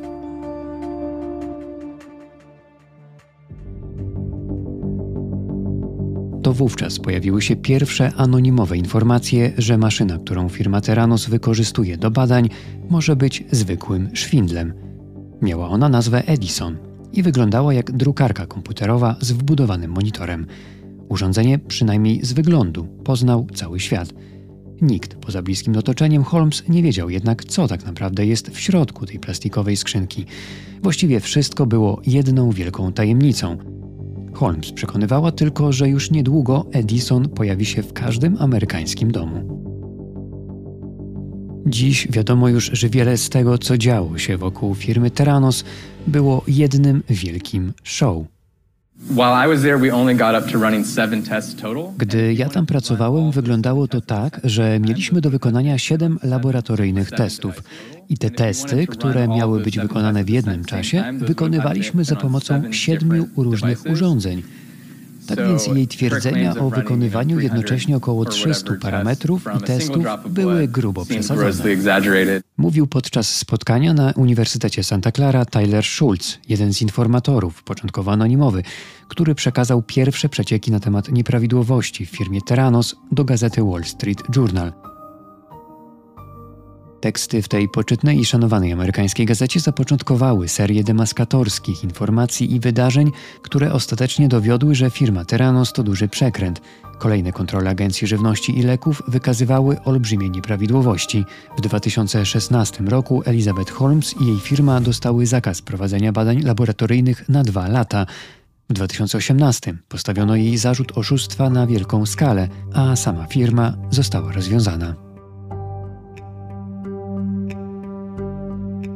Jak to się jednak właściwie stało, że cała Dolina Krzemowa, a z nią całe Stany Zjednoczone uwierzyły, że młoda, niespełna dwudziestoletnia Elizabeth Holmes rzeczywiście zmienia świat na lepsze?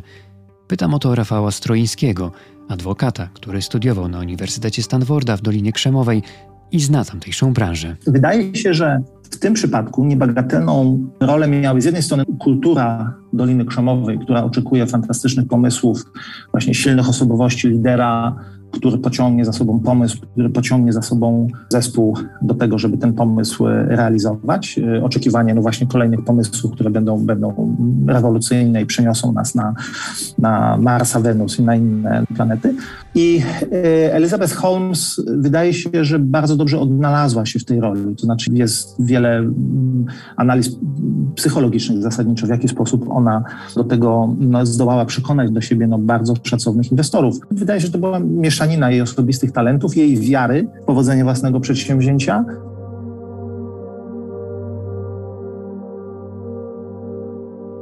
I tak to w świecie, w którym każde kłamstwo może się obronić, jeśli popłynie na fali wielkiego zalewu informacji, bezkrytycznego myślenia i chronicznego braku czasu, Elizabeth Holmes czuła się jak ryba w wodzie. Dodaje Rafał Stroiński. Tak naprawdę tak w dużym stopniu funkcjonuje Dolina Krzemowa. To jest oparte na zaufaniu, to jest oparte na, na wielu różnych jakby czynnikach i tam ten czynnik czasu jest niezwykle istotny, no bo jeżeli transakcja ma trwać jakieś, nie wiem, ileś miesięcy, nie mówiąc lat, to, to, to, to już dawno przestaje być aktualny pomysł, osoba i te pieniądze powinny być angażowane gdzie indziej. Więc jakby szybkość tych procesów inwestycyjnych w Stanach Zjednoczonych czy, czy w Dolinie Krzemowej jest nieodłącznym elementem tych transakcji.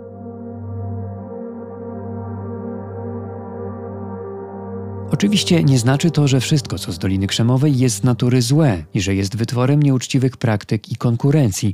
To w końcu światowa stolica nowoczesnych technologii, które w wielu przypadkach rzeczywiście zmieniają świat na lepsze i często dom dla najlepszych na świecie naukowców. Może to także i dlatego w środowisku wielkich i tęgich umysłów tak łatwo ulec iluzji rzeczywistości. Takiej iluzji, jaką była firma Terranos – Prawdziwie niepokojące jest jednak coś jeszcze.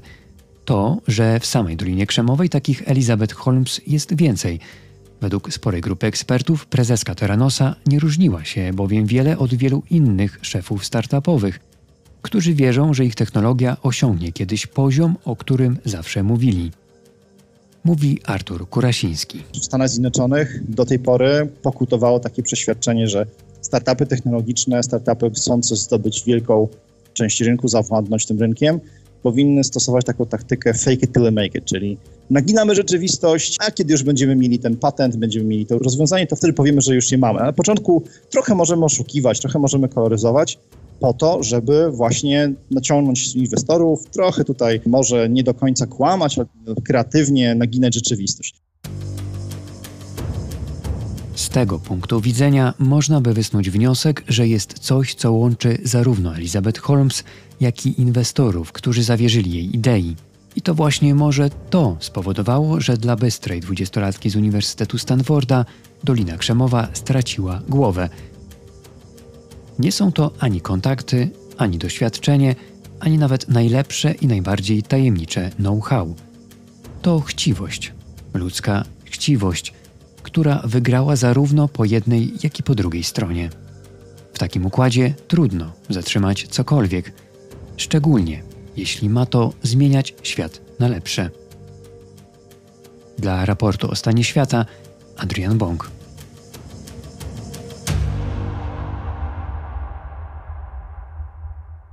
Korea Północna przeprowadziła trzeci test z wykorzystaniem pocisku hipersonicznego, poinformowały o tym media w tym kraju. Testowi przyglądał się bacznym okiem lider Kim Jong-un i nie tylko. Reszta świata, zwłaszcza południowi sąsiedzi Korei Północnej, niepokoją się, bo te testy wyglądają na udane, a pociski hipersoniczne są niezwykle groźne. Trudne do wykrycia, lecą z prędkością pięć razy większą niż dźwięk i nie wiadomo jakie ładunki przenoszą. Czy przypadkiem nie atomowe. Tymczasem prezydent Korei Południowej, Moon Jae-in, zapowiedział, że Seul wyda deklarację o zakończeniu wojny z północą, co jego zdaniem sprawi, że wznowione zostaną rozmowy między obu krajami. Pjongjang pokazuje siłę, Seul wychodzi z propozycjami pokojowymi. Czy to jest dobra strategia i dla kogo dobra? To są pytania, które zadam zaraz mojemu gościowi, a jest nim Oskar Pietrewicz z Polskiego Instytutu Spraw Międzynarodowych. Dzień dobry. Dzień dobry. Może zacznijmy od tych testów. Dlaczego w ogóle Pjongjang wystrzeliwuje te rakiety? Wydaje mi się y, bardzo prosto, bo mówił, że to zrobi. Często nie doceniamy tego, Bo co może, mówi Korea tak? Północna, bo może, bo rozwija te technologie, bo potencjał rakietowo-nuklearny to jest jeden z niewielu atutów Korei Północnej, którym może nie tyle zwracać uwagę, co starać się coś ugrać w relacjach z innymi państwami.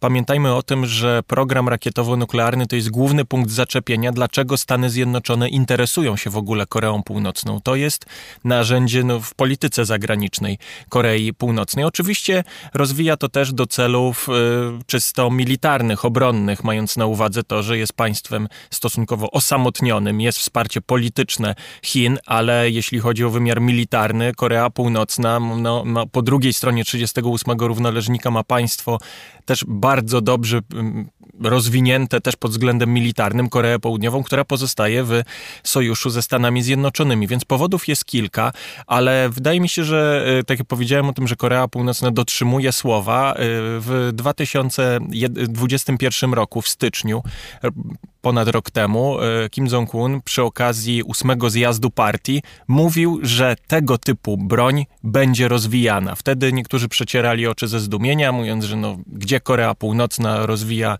technologie, które raczej są zarezerwowane przynajmniej obecnie dla Rosjan, Chińczyków czy Stanów Zjednoczonych.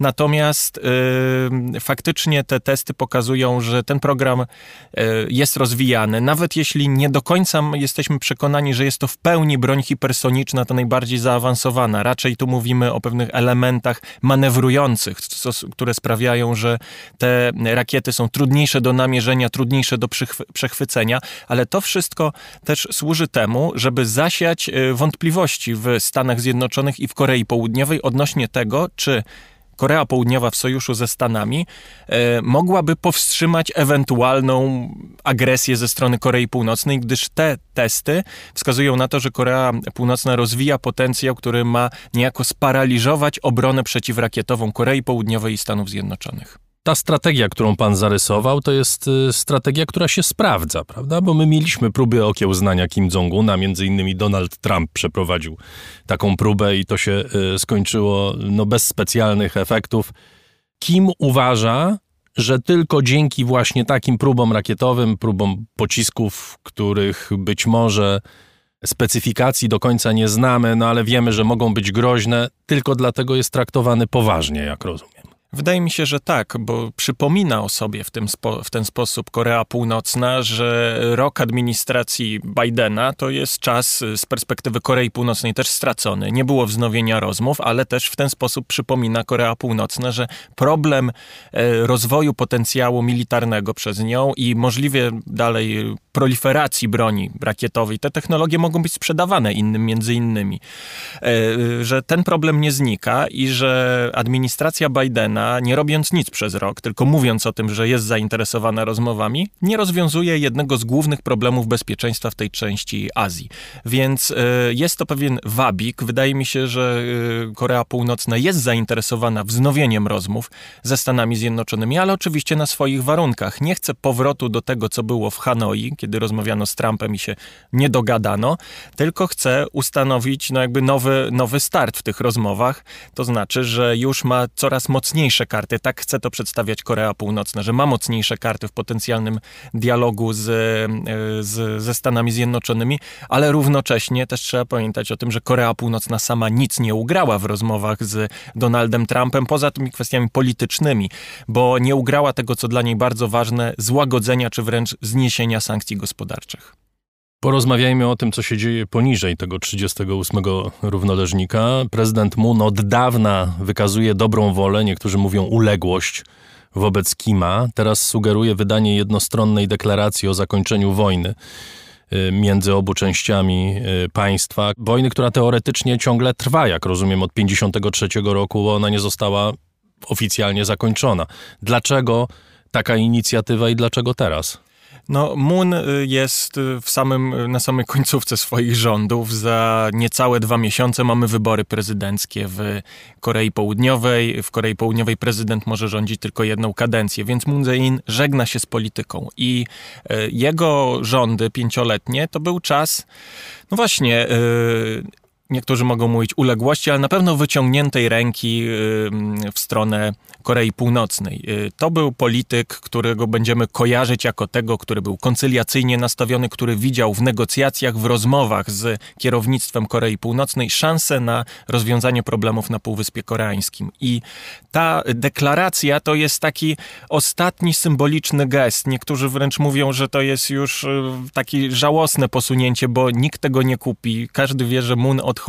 Nie wiadomo, czy ten kierunek polityki będzie kontynuowany przez następnego prezydenta więc on chce tylko wydać taką deklarację polityczną, która nie zmieni faktu, że, woj- że stan wojny, bo to doszło do zawieszenia broni, tylko tyle. Z punktu widzenia prawno-międzynarodowego nic się nie zmieni. Ba, niektórzy wskazują, że wydanie takiej deklaracji byłoby niebezpieczne, bo Korea Północna odbierze to jako za tym powinny iść dalsze ustępstwa Korei Południowej. Skoro deklarujecie, że już nie ma wojny, to po co amerykańscy żołnierze na Półwyspie Koreańskim? A niech się wycofają. I dlatego Stany Zjednoczone nie za bardzo popierają tę inicjatywę e, prezydenta Muna, który tłumaczy, że no, trzeba wykonać jakiś gest, coś, co być może zachęci Koreę Północną, żeby wznowić rozmowy, bo rozmowy od lutego 2019 roku, czyli od czasu y, Hanoi, właściwie nie trwają jest impas i w relacjach Korei Północnej ze Stanami Zjednoczonymi i w dialogu międzykoreańskim. Panie Oskarze, regularnie spotykamy się, rozmawiamy na temat Korei jednej i drugiej. Zresztą w innych mediach też pan występuje. I ja mam niestety takie wrażenie, że my cały czas tę samą rozmowę prowadzimy. Że są takie tematy i takie miejsca na świecie, na przykład Bliski Wschód, prawda? Konflikt pomiędzy Izraelem a Palestyńczykami, to w zasadzie mm, rozmowę sprzed pięciu lat moglibyśmy nadać dzisiaj i byłoby w zasadzie aktualna. Może nazwiska by trzeba było powymieniać, ale poza tym nic się nie zmienia. Czy to jest tak, że ludzie w obu Koreach żyją tym, czym my żyjemy, jak patrzymy na te kraje z zewnątrz? To znaczy w Korei Północnej żyją testami, a w Korei Południowej interesują się i podniecają się tym, że a może będzie ogłoszony koniec wojny?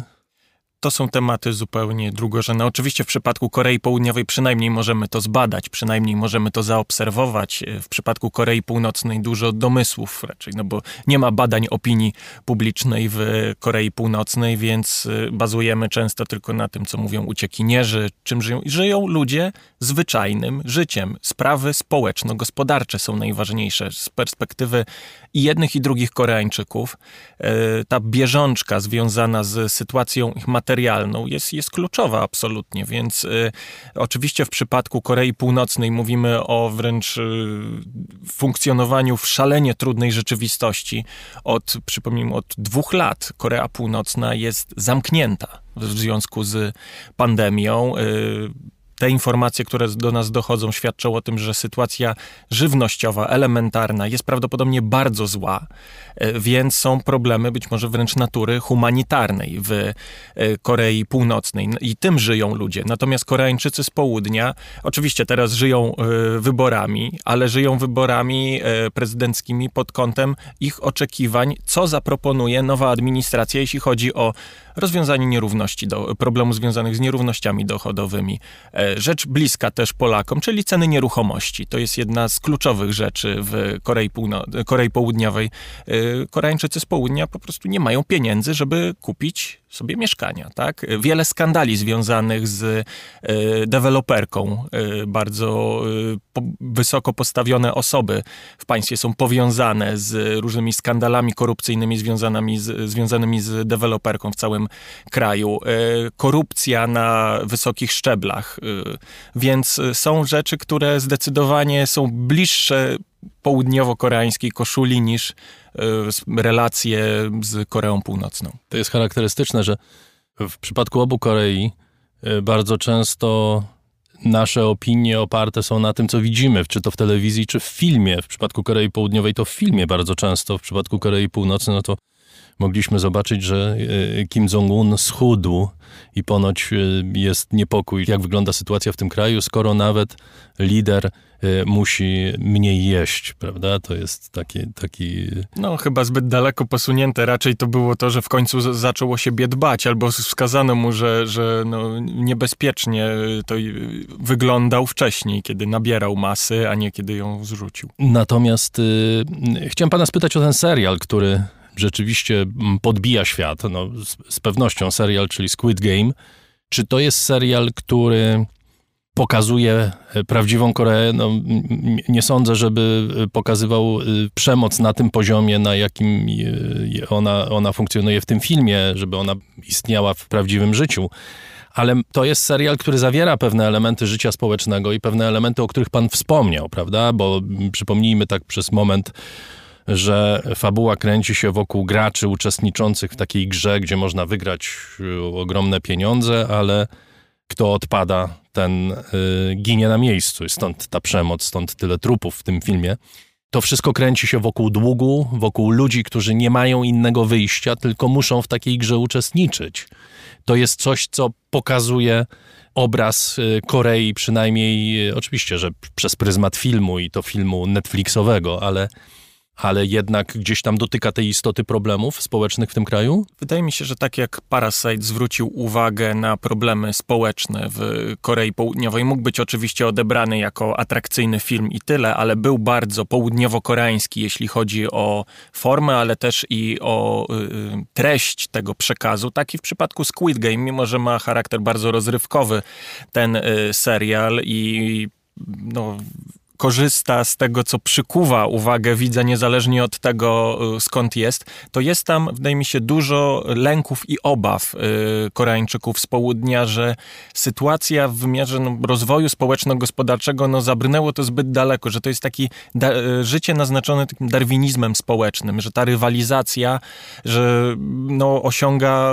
przerażające rozmiary, że tutaj jest no, człowiek człowiekowi wilkiem, tak? W, w takim wydaniu południowo koreańskim, że e, pieniądz, ta mamona dyktuje warunki życia i że w związku z tym ludzie się podporządkują e, pieniądzowi, zrobią wszystko, ale tam też wychodzi w tym serialu wiele rzeczy dotyczących na przykład tego, jak Koreańczycy właśnie w takim wydaniu nie wielkiej polityki, ale jak traktują innych, e, jak traktują migrantów. To jest problem duży, tak, że obcość w, w społeczeństwie południowo-koreańskim, jak traktują uciekinierów z Korei Północnej, wcale nie traktują traktują ich dobrze.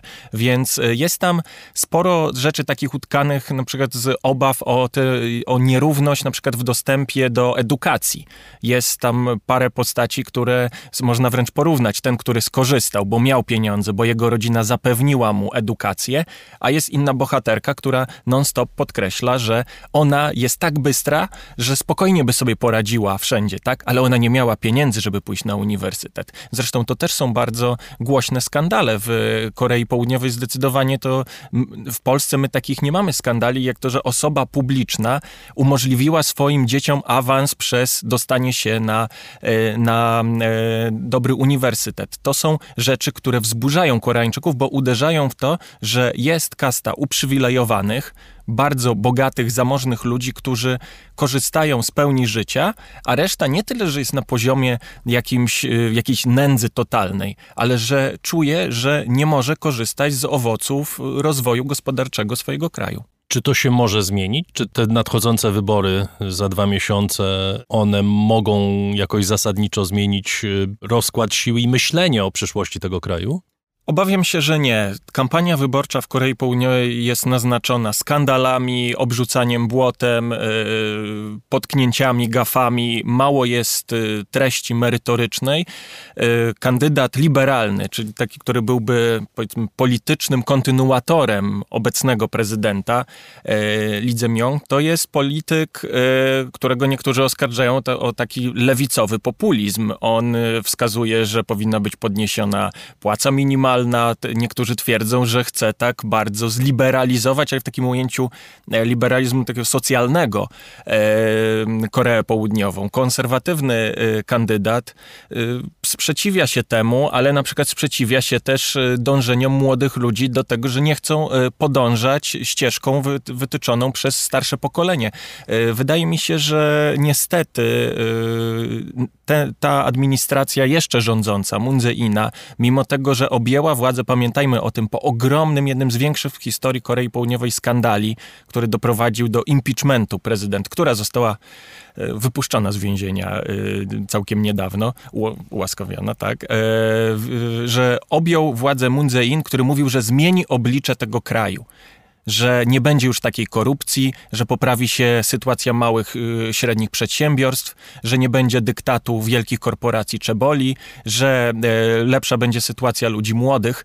Okazuje się, że po pięciu latach te problemy, które on podnosił w 2017 roku, teraz są aktualne, tylko że jeszcze mocniejsze. Więc mając to na uwadze, sceptycznie podchodzę do tego, czy kolejny prezydent, kto by to nie był, czy coś zmieni, e, bo mam wrażenie, że e, mimo wszystko ciągle są politycy w Korei Południowej bardzo oderwani od elektoratu i co więcej, ludzie młodzi, 20-30-latkowie, to są tacy pełzający. Raz w jednych wyborach zagłosują na jedną opcję, opcję polityczną, później na drugą, nie mają jeszcze wyrobionych poglądów, twierdzą, że po prostu i jedni, i drudzy są nieudacznikami politycy. Fascynujący kraj i z pewnością będziemy się mu przyglądać również w kontekście wyborów. Tymczasem bardzo panu dziękuję. Oskar Pietrewicz z Polskiego Instytutu Spraw Międzynarodowych był gościem raportu o stanie świata. Dziękuję. Whenever life gets you down, Mrs. Brown, and things seem hard or tough, and people are stupid. Obnoxious or daft, and you feel that you've had quite enough. Just remember that you're standing on a planet that's evolving and revolving at 900 miles an hour. That's orbiting at 19 miles a second, so it's reckoned a sun that is the source of all our power. The sun and you and me and all the stars that we can see are moving at a million miles a day. In an outer spiral arm at 40,000 miles an hour of the galaxy we call the Milky Way.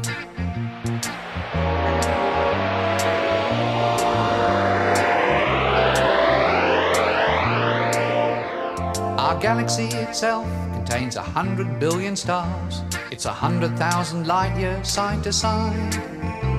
It bulges in the middle, 16,000 light years thick, but out by us it's just 3,000 light years wide. We're 30,000 light years from galactic central point. We go round every 200 million years. And our galaxy is only one of millions of billions in this amazing and expanding universe.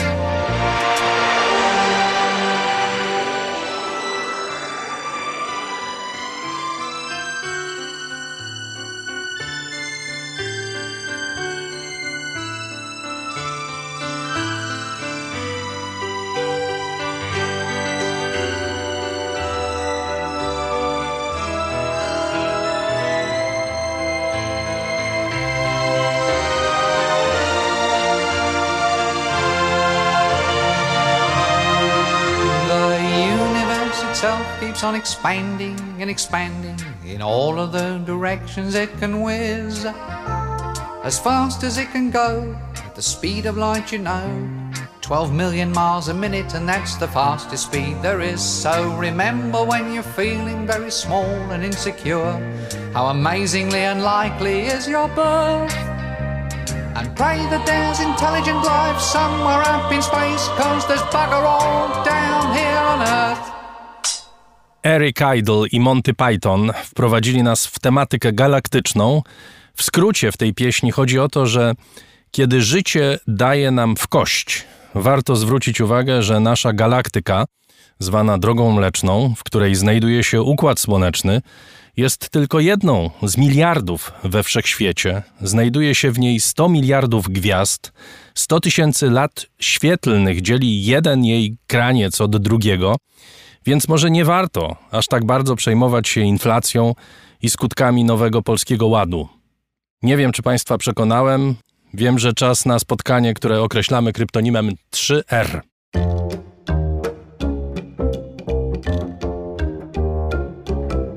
Rożek Urosiaka w raporcie.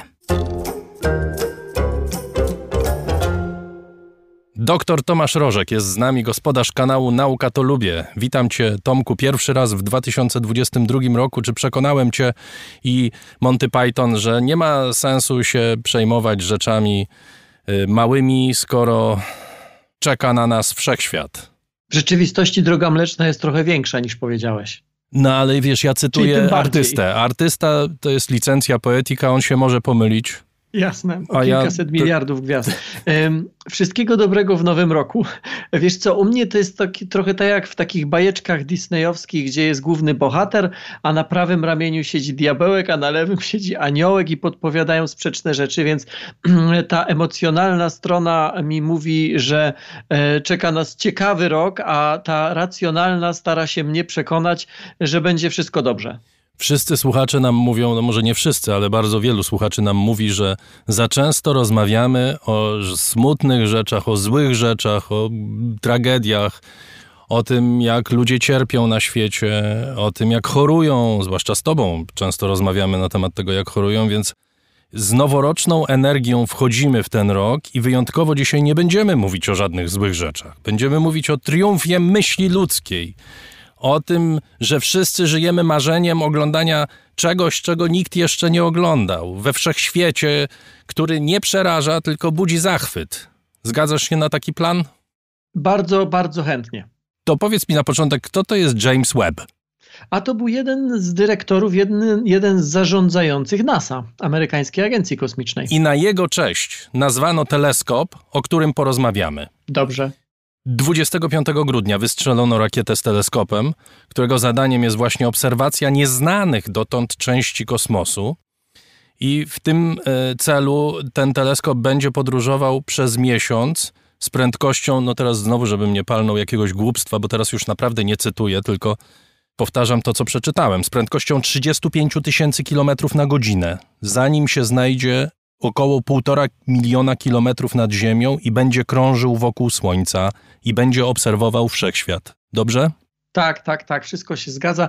Mam dokładnie przed sobą teraz wszystkie dane tego teleskopu i o temperaturze, prędkości, odległościach, więc e, tak, powiedziałeś, Co to jest że... za projekt? Co to jest za przedsięwzięcie? To jest coś niebywałego, niezwykłego. Wszyscy o tym mówią, jakby to rzeczywiście było zupełnie nowe otwarcie w naszej eksploracji kosmosu. Bo trochę czymś takim jest. To znaczy, rzeczywiście to e, i to z wielu powodów.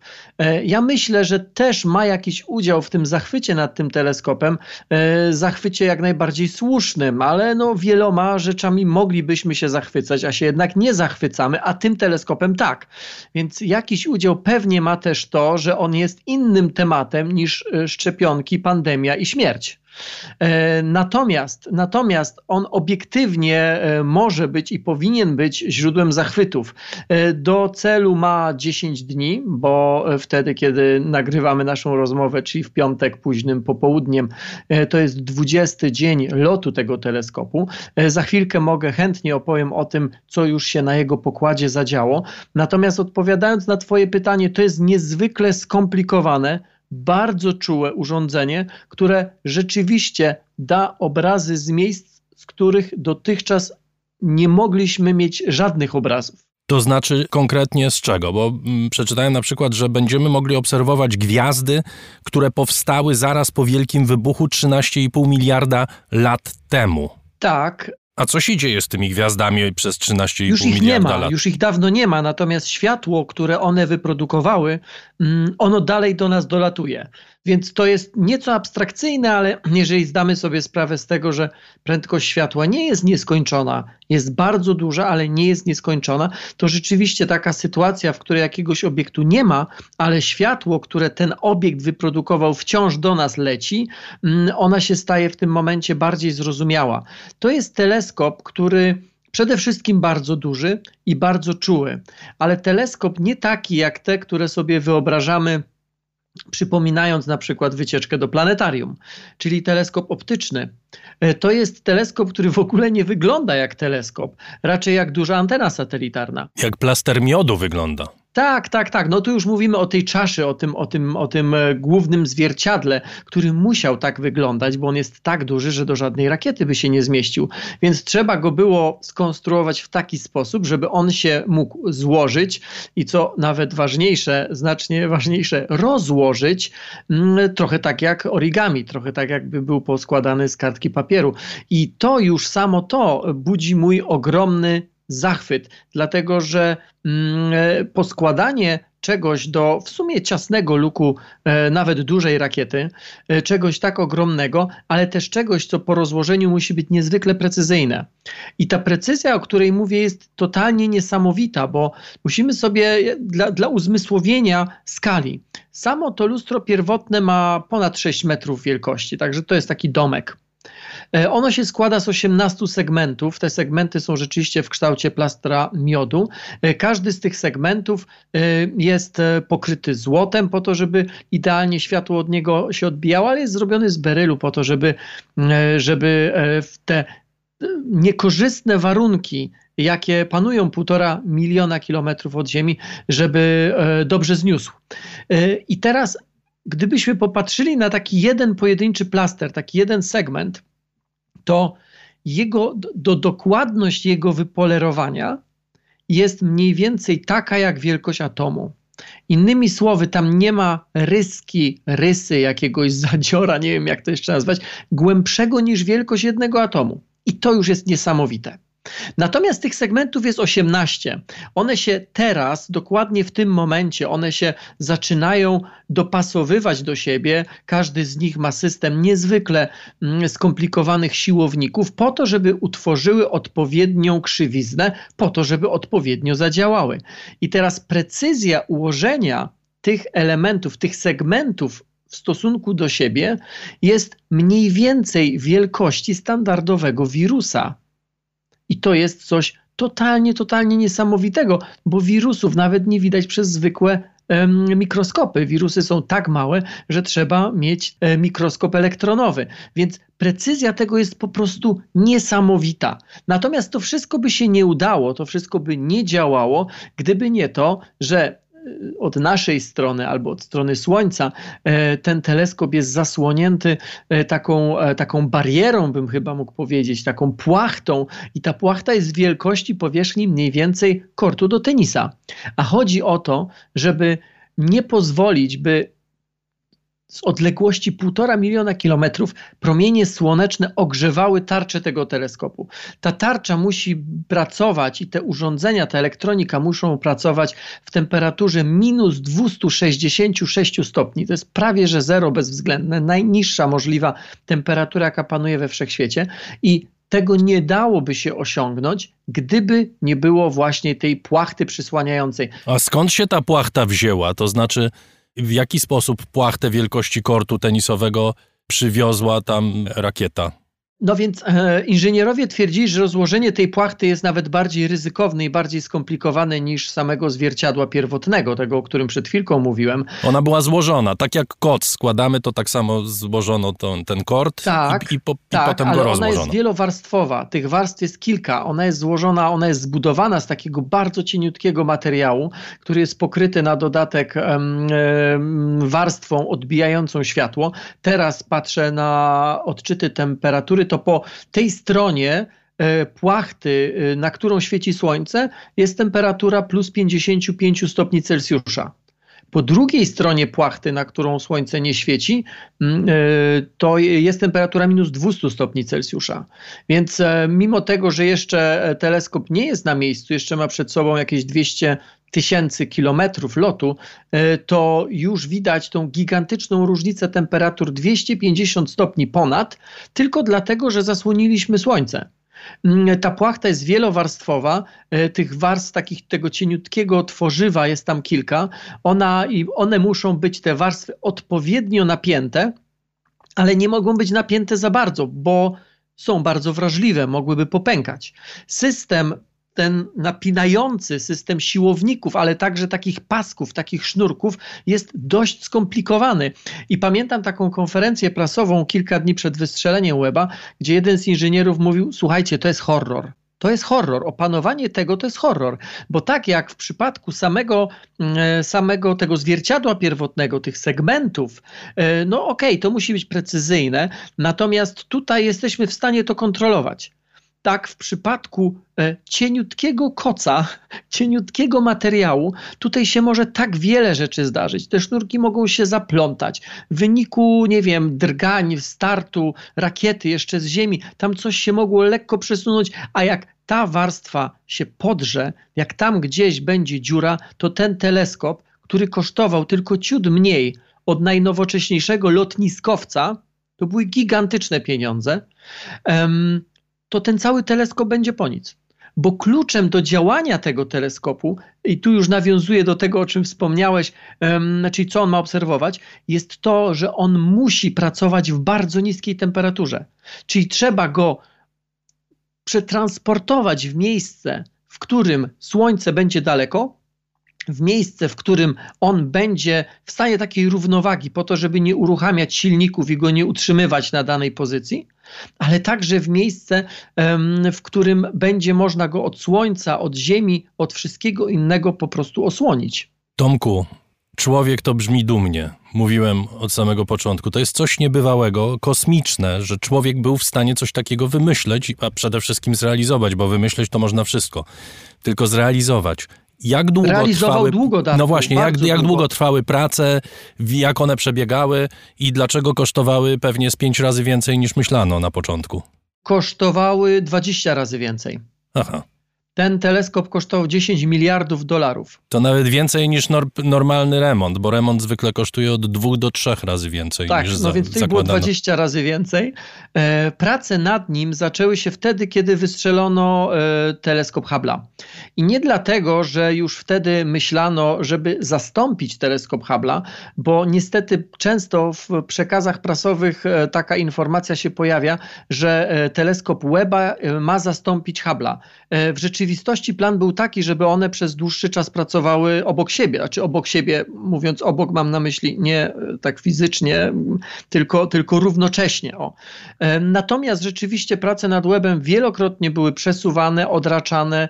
E, Sama, może nie tyle koncepcja, ile na pewno parametry teleskopu, wielkość teleskopu była zmniejszana po to, żeby obniżyć koszty. Ostatecznie start teleskopu się odbył 14 lat po pierwszych e, planach jego startu. E, I on jest troszeczkę mniejszy niż rzeczywiście miał być na początku. Natomiast nawet z, tymi, z, tymi, e, z, z tym zmniejszonym nieco budżetem, który i tak był 20 razy większy niż, niż na początku planowano, bo pierwszy plan to było pół miliarda dolarów, te, ostatecznie okazało się, że jest 10 miliardów dolarów, a z tym lotniskowcem wcale nie żartowałem. Najnowszy lotniskowiec amerykański kosztował 13 miliardów dolarów, więc dorzucić tylko 3 miliardy i już mamy zamiast teleskopu lotniskowiec. Osobiście uważam, że teleskop zrobi więcej dobra. Natomiast e, on jest skonstruowany w taki sposób, że rzeczywiście tutaj trzeba było e, ogromnych, ogromnego wysiłku, żeby wszystko zagrało tak jak trzeba. I całe szczęście dotychczas, a wydaje się, nawet jest pewność, że wszystkie najbardziej ryzykowne manewry zostały wykonane, e, dotychczas wszystko gra. 20, e, tak, 20 dni leci, ma już rozłożoną tą e, osłonę, ma rozłożone zwierciadło pierwotne, zwierciadło wtórne, czyli to takie małe na wysięgniku, które znajduje się kilka metrów przed zwierciadłem E, tym głównym. E, to wszystko jest. Teraz e, czytam, że teraz dokładnie w tym momencie siłowniki ustawiają wobec siebie te, te plastry, te, te, te, te segmenty to jest taka pierwsza faza ich ustawienia, wtedy kiedy teleskop doleci do punktu swojego, swojego no, po pobytu, swojej destynacji, punktu Lagrange'a 2, L2, to tam dojdzie już do takiego bardzo dokładnego ustawienia tych poszczególnych plastrów w stosunku do siebie. I teraz jeszcze jedna taka techniczna uwaga, którą wyczytałem, chciałem się popisać. Ja rozumiem, że on będzie krążył wokół Słońca, ale będzie w stosunku do Ziemi nieruchomy. To jest tak, że ten teleskop jest ustawiony w takim punkcie właśnie L2, to nie jest przypadkowy punkt, to, e, półtora miliona kilometrów od Ziemi to nie jest tak, że po prostu ktoś stwierdził, a to umieśćmy go tam. Tylko to jest takie bardzo specyficzne miejsce, gdzie siła grawitacji um, Ziemi i Słońca powoduje, że um, w tym punkcie siły działające na teleskop się równoważą. W efekcie on, tak w największym skrócie, jeżeli no, z całą pewnością słuchają nas także fizycy, więc wybaczcie Państwo e, ten skrót, ale w tak naj, w największym skrócie on tam może po prostu sobie zawisnąć jego utrzymanie w tym punkcie nie wymaga e, włączenia czy włączania e, silników po to, żeby go utrzymywać e, w jednym konkretnym punkcie. Więc tak, ten punkt L2 on jest mm, on jest takim miejscem charakterystycznym, w którym te siły grawitacyjne Ziemi i Słońca się równoważą. Czy jeżeli istnieje życie na drodze mlecznej, to ten teleskop je wykryje? Nie ma oczywiście takiej pewności, to znaczy kiedyś robiono, robiono eksperymenty um, zrzucając na pustynię Atakama e, sondy marsjańskie, e, wczesne sondy marsjańskie, czy lądowniki marsjańskie, których celem było poszukiwanie życia. Um, I i sprawdzano, jakie, jakie czułe metody są na pokładzie tych, e, tych, tych lądowników. No, pustynia Atacama w Andach e, w Chile to jest miejsce rzeczywiście suche, natomiast żaden z tych lądowników, buszując w na Atakamie e, nie dał sygnału, że na tej planecie istnieje życie. E, no więc gdyby mm, jakieś, e, jakaś obca cywilizacja wystrzeliła w naszym kierunku jakąś sondę, a ta sonda zrzuciła lądownik, próbnik i akurat by trafił na pustynię Atakama, to gdyby był na poziomie technologicznym naszych pierwszych lądowników marsjańskich, sygnał byłby taki, to jest martwa planeta. Ale ale jeżeli którykolwiek teleskop miałby życie wykryć, czy miałby, tak, miałby może nie tyle życie, ile warunki do istnienia życia wykryć na obcych globach, na planetach pozasłonecznych, no to właśnie teleskop Webba właśnie teleskop Jamesa Webba. E, troszeczkę o tym powiedziałem, że on przez swoją czułość, ale także przez to, jaki rodzaj promieniowania on obserwuje, a chodzi tutaj o podczerwień, to jest bardzo specyficzne pasmo. E, naszymi oczami nie widzimy podczerwieni. On jest w stanie obserwować e, wiele z tych rzeczy, których inne teleskopy absolutnie nie widzą, na które są ślepe.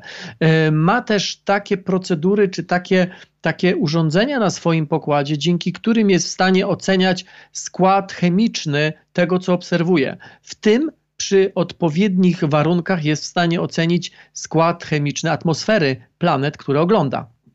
Jeżeli mamy atmosferę, jeżeli mamy jej skład, jeżeli mamy, jeżeli mamy wielkość planety, to w jakiej odległości ona znajduje się od swojej gwiazdy, a więc także informacje o temperaturze, to co prawda nie możemy z całą pewnością powiedzieć, że tam jest życie, bo tą pewność, tę pewność zyskamy dopiero wtedy, kiedy tam wyślemy lądownik i ten lądownik pobierze próbki.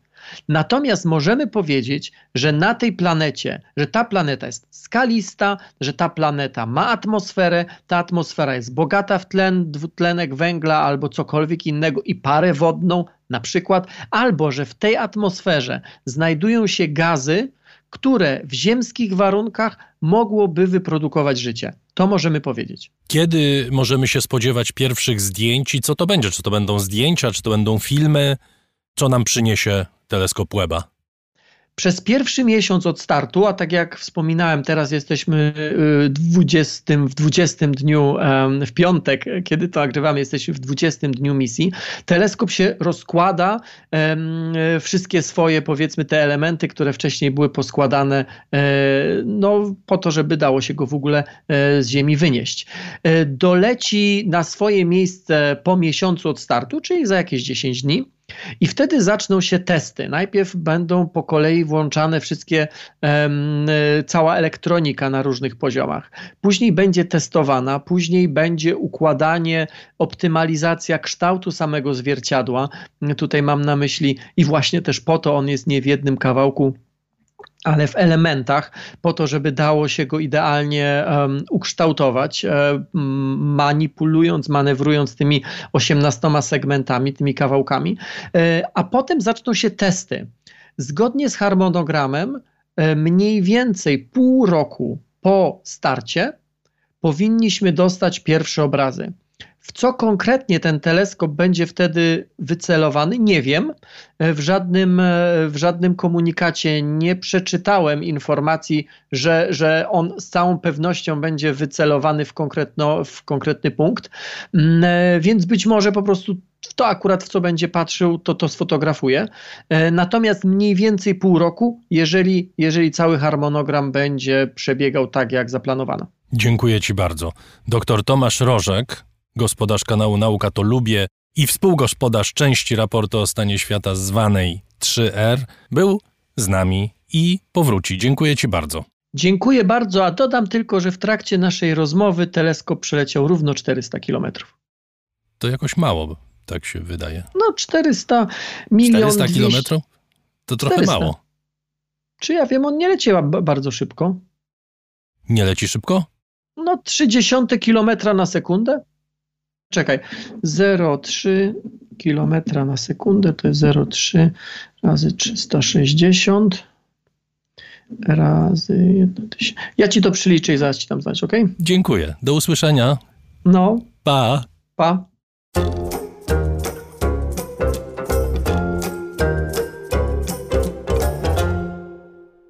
I to już prawie wszystko w tym wydaniu raportu o stanie świata. Dziękuję Państwu bardzo za wszystkie dobre słowa, które docierają do nas od początku roku. Dziękuję bardzo za wsparcie finansowe, którego nam Państwo udzielają, bo bez niego nie byłoby raportu w tej formie, którą możemy Państwu zaoferować. Jeśli mają Państwo ochotę zostać patronem albo patronką raportu, zapraszam na moje konto w serwisie patronite.pl. Za jego pośrednictwem najłatwiej nas wspierać. Przypominam o poniedziałkowym raporcie o książkach w Promie Kultury w Warszawie, transmisję na facebookowym fanpage'u Promu i na moim kanale YouTube'owym o 19. I jeszcze jedno. Jeśli komuś podoba się muzyka w raporcie, zapraszam do słuchania playlist na Spotify. Co roku zaczynamy nową.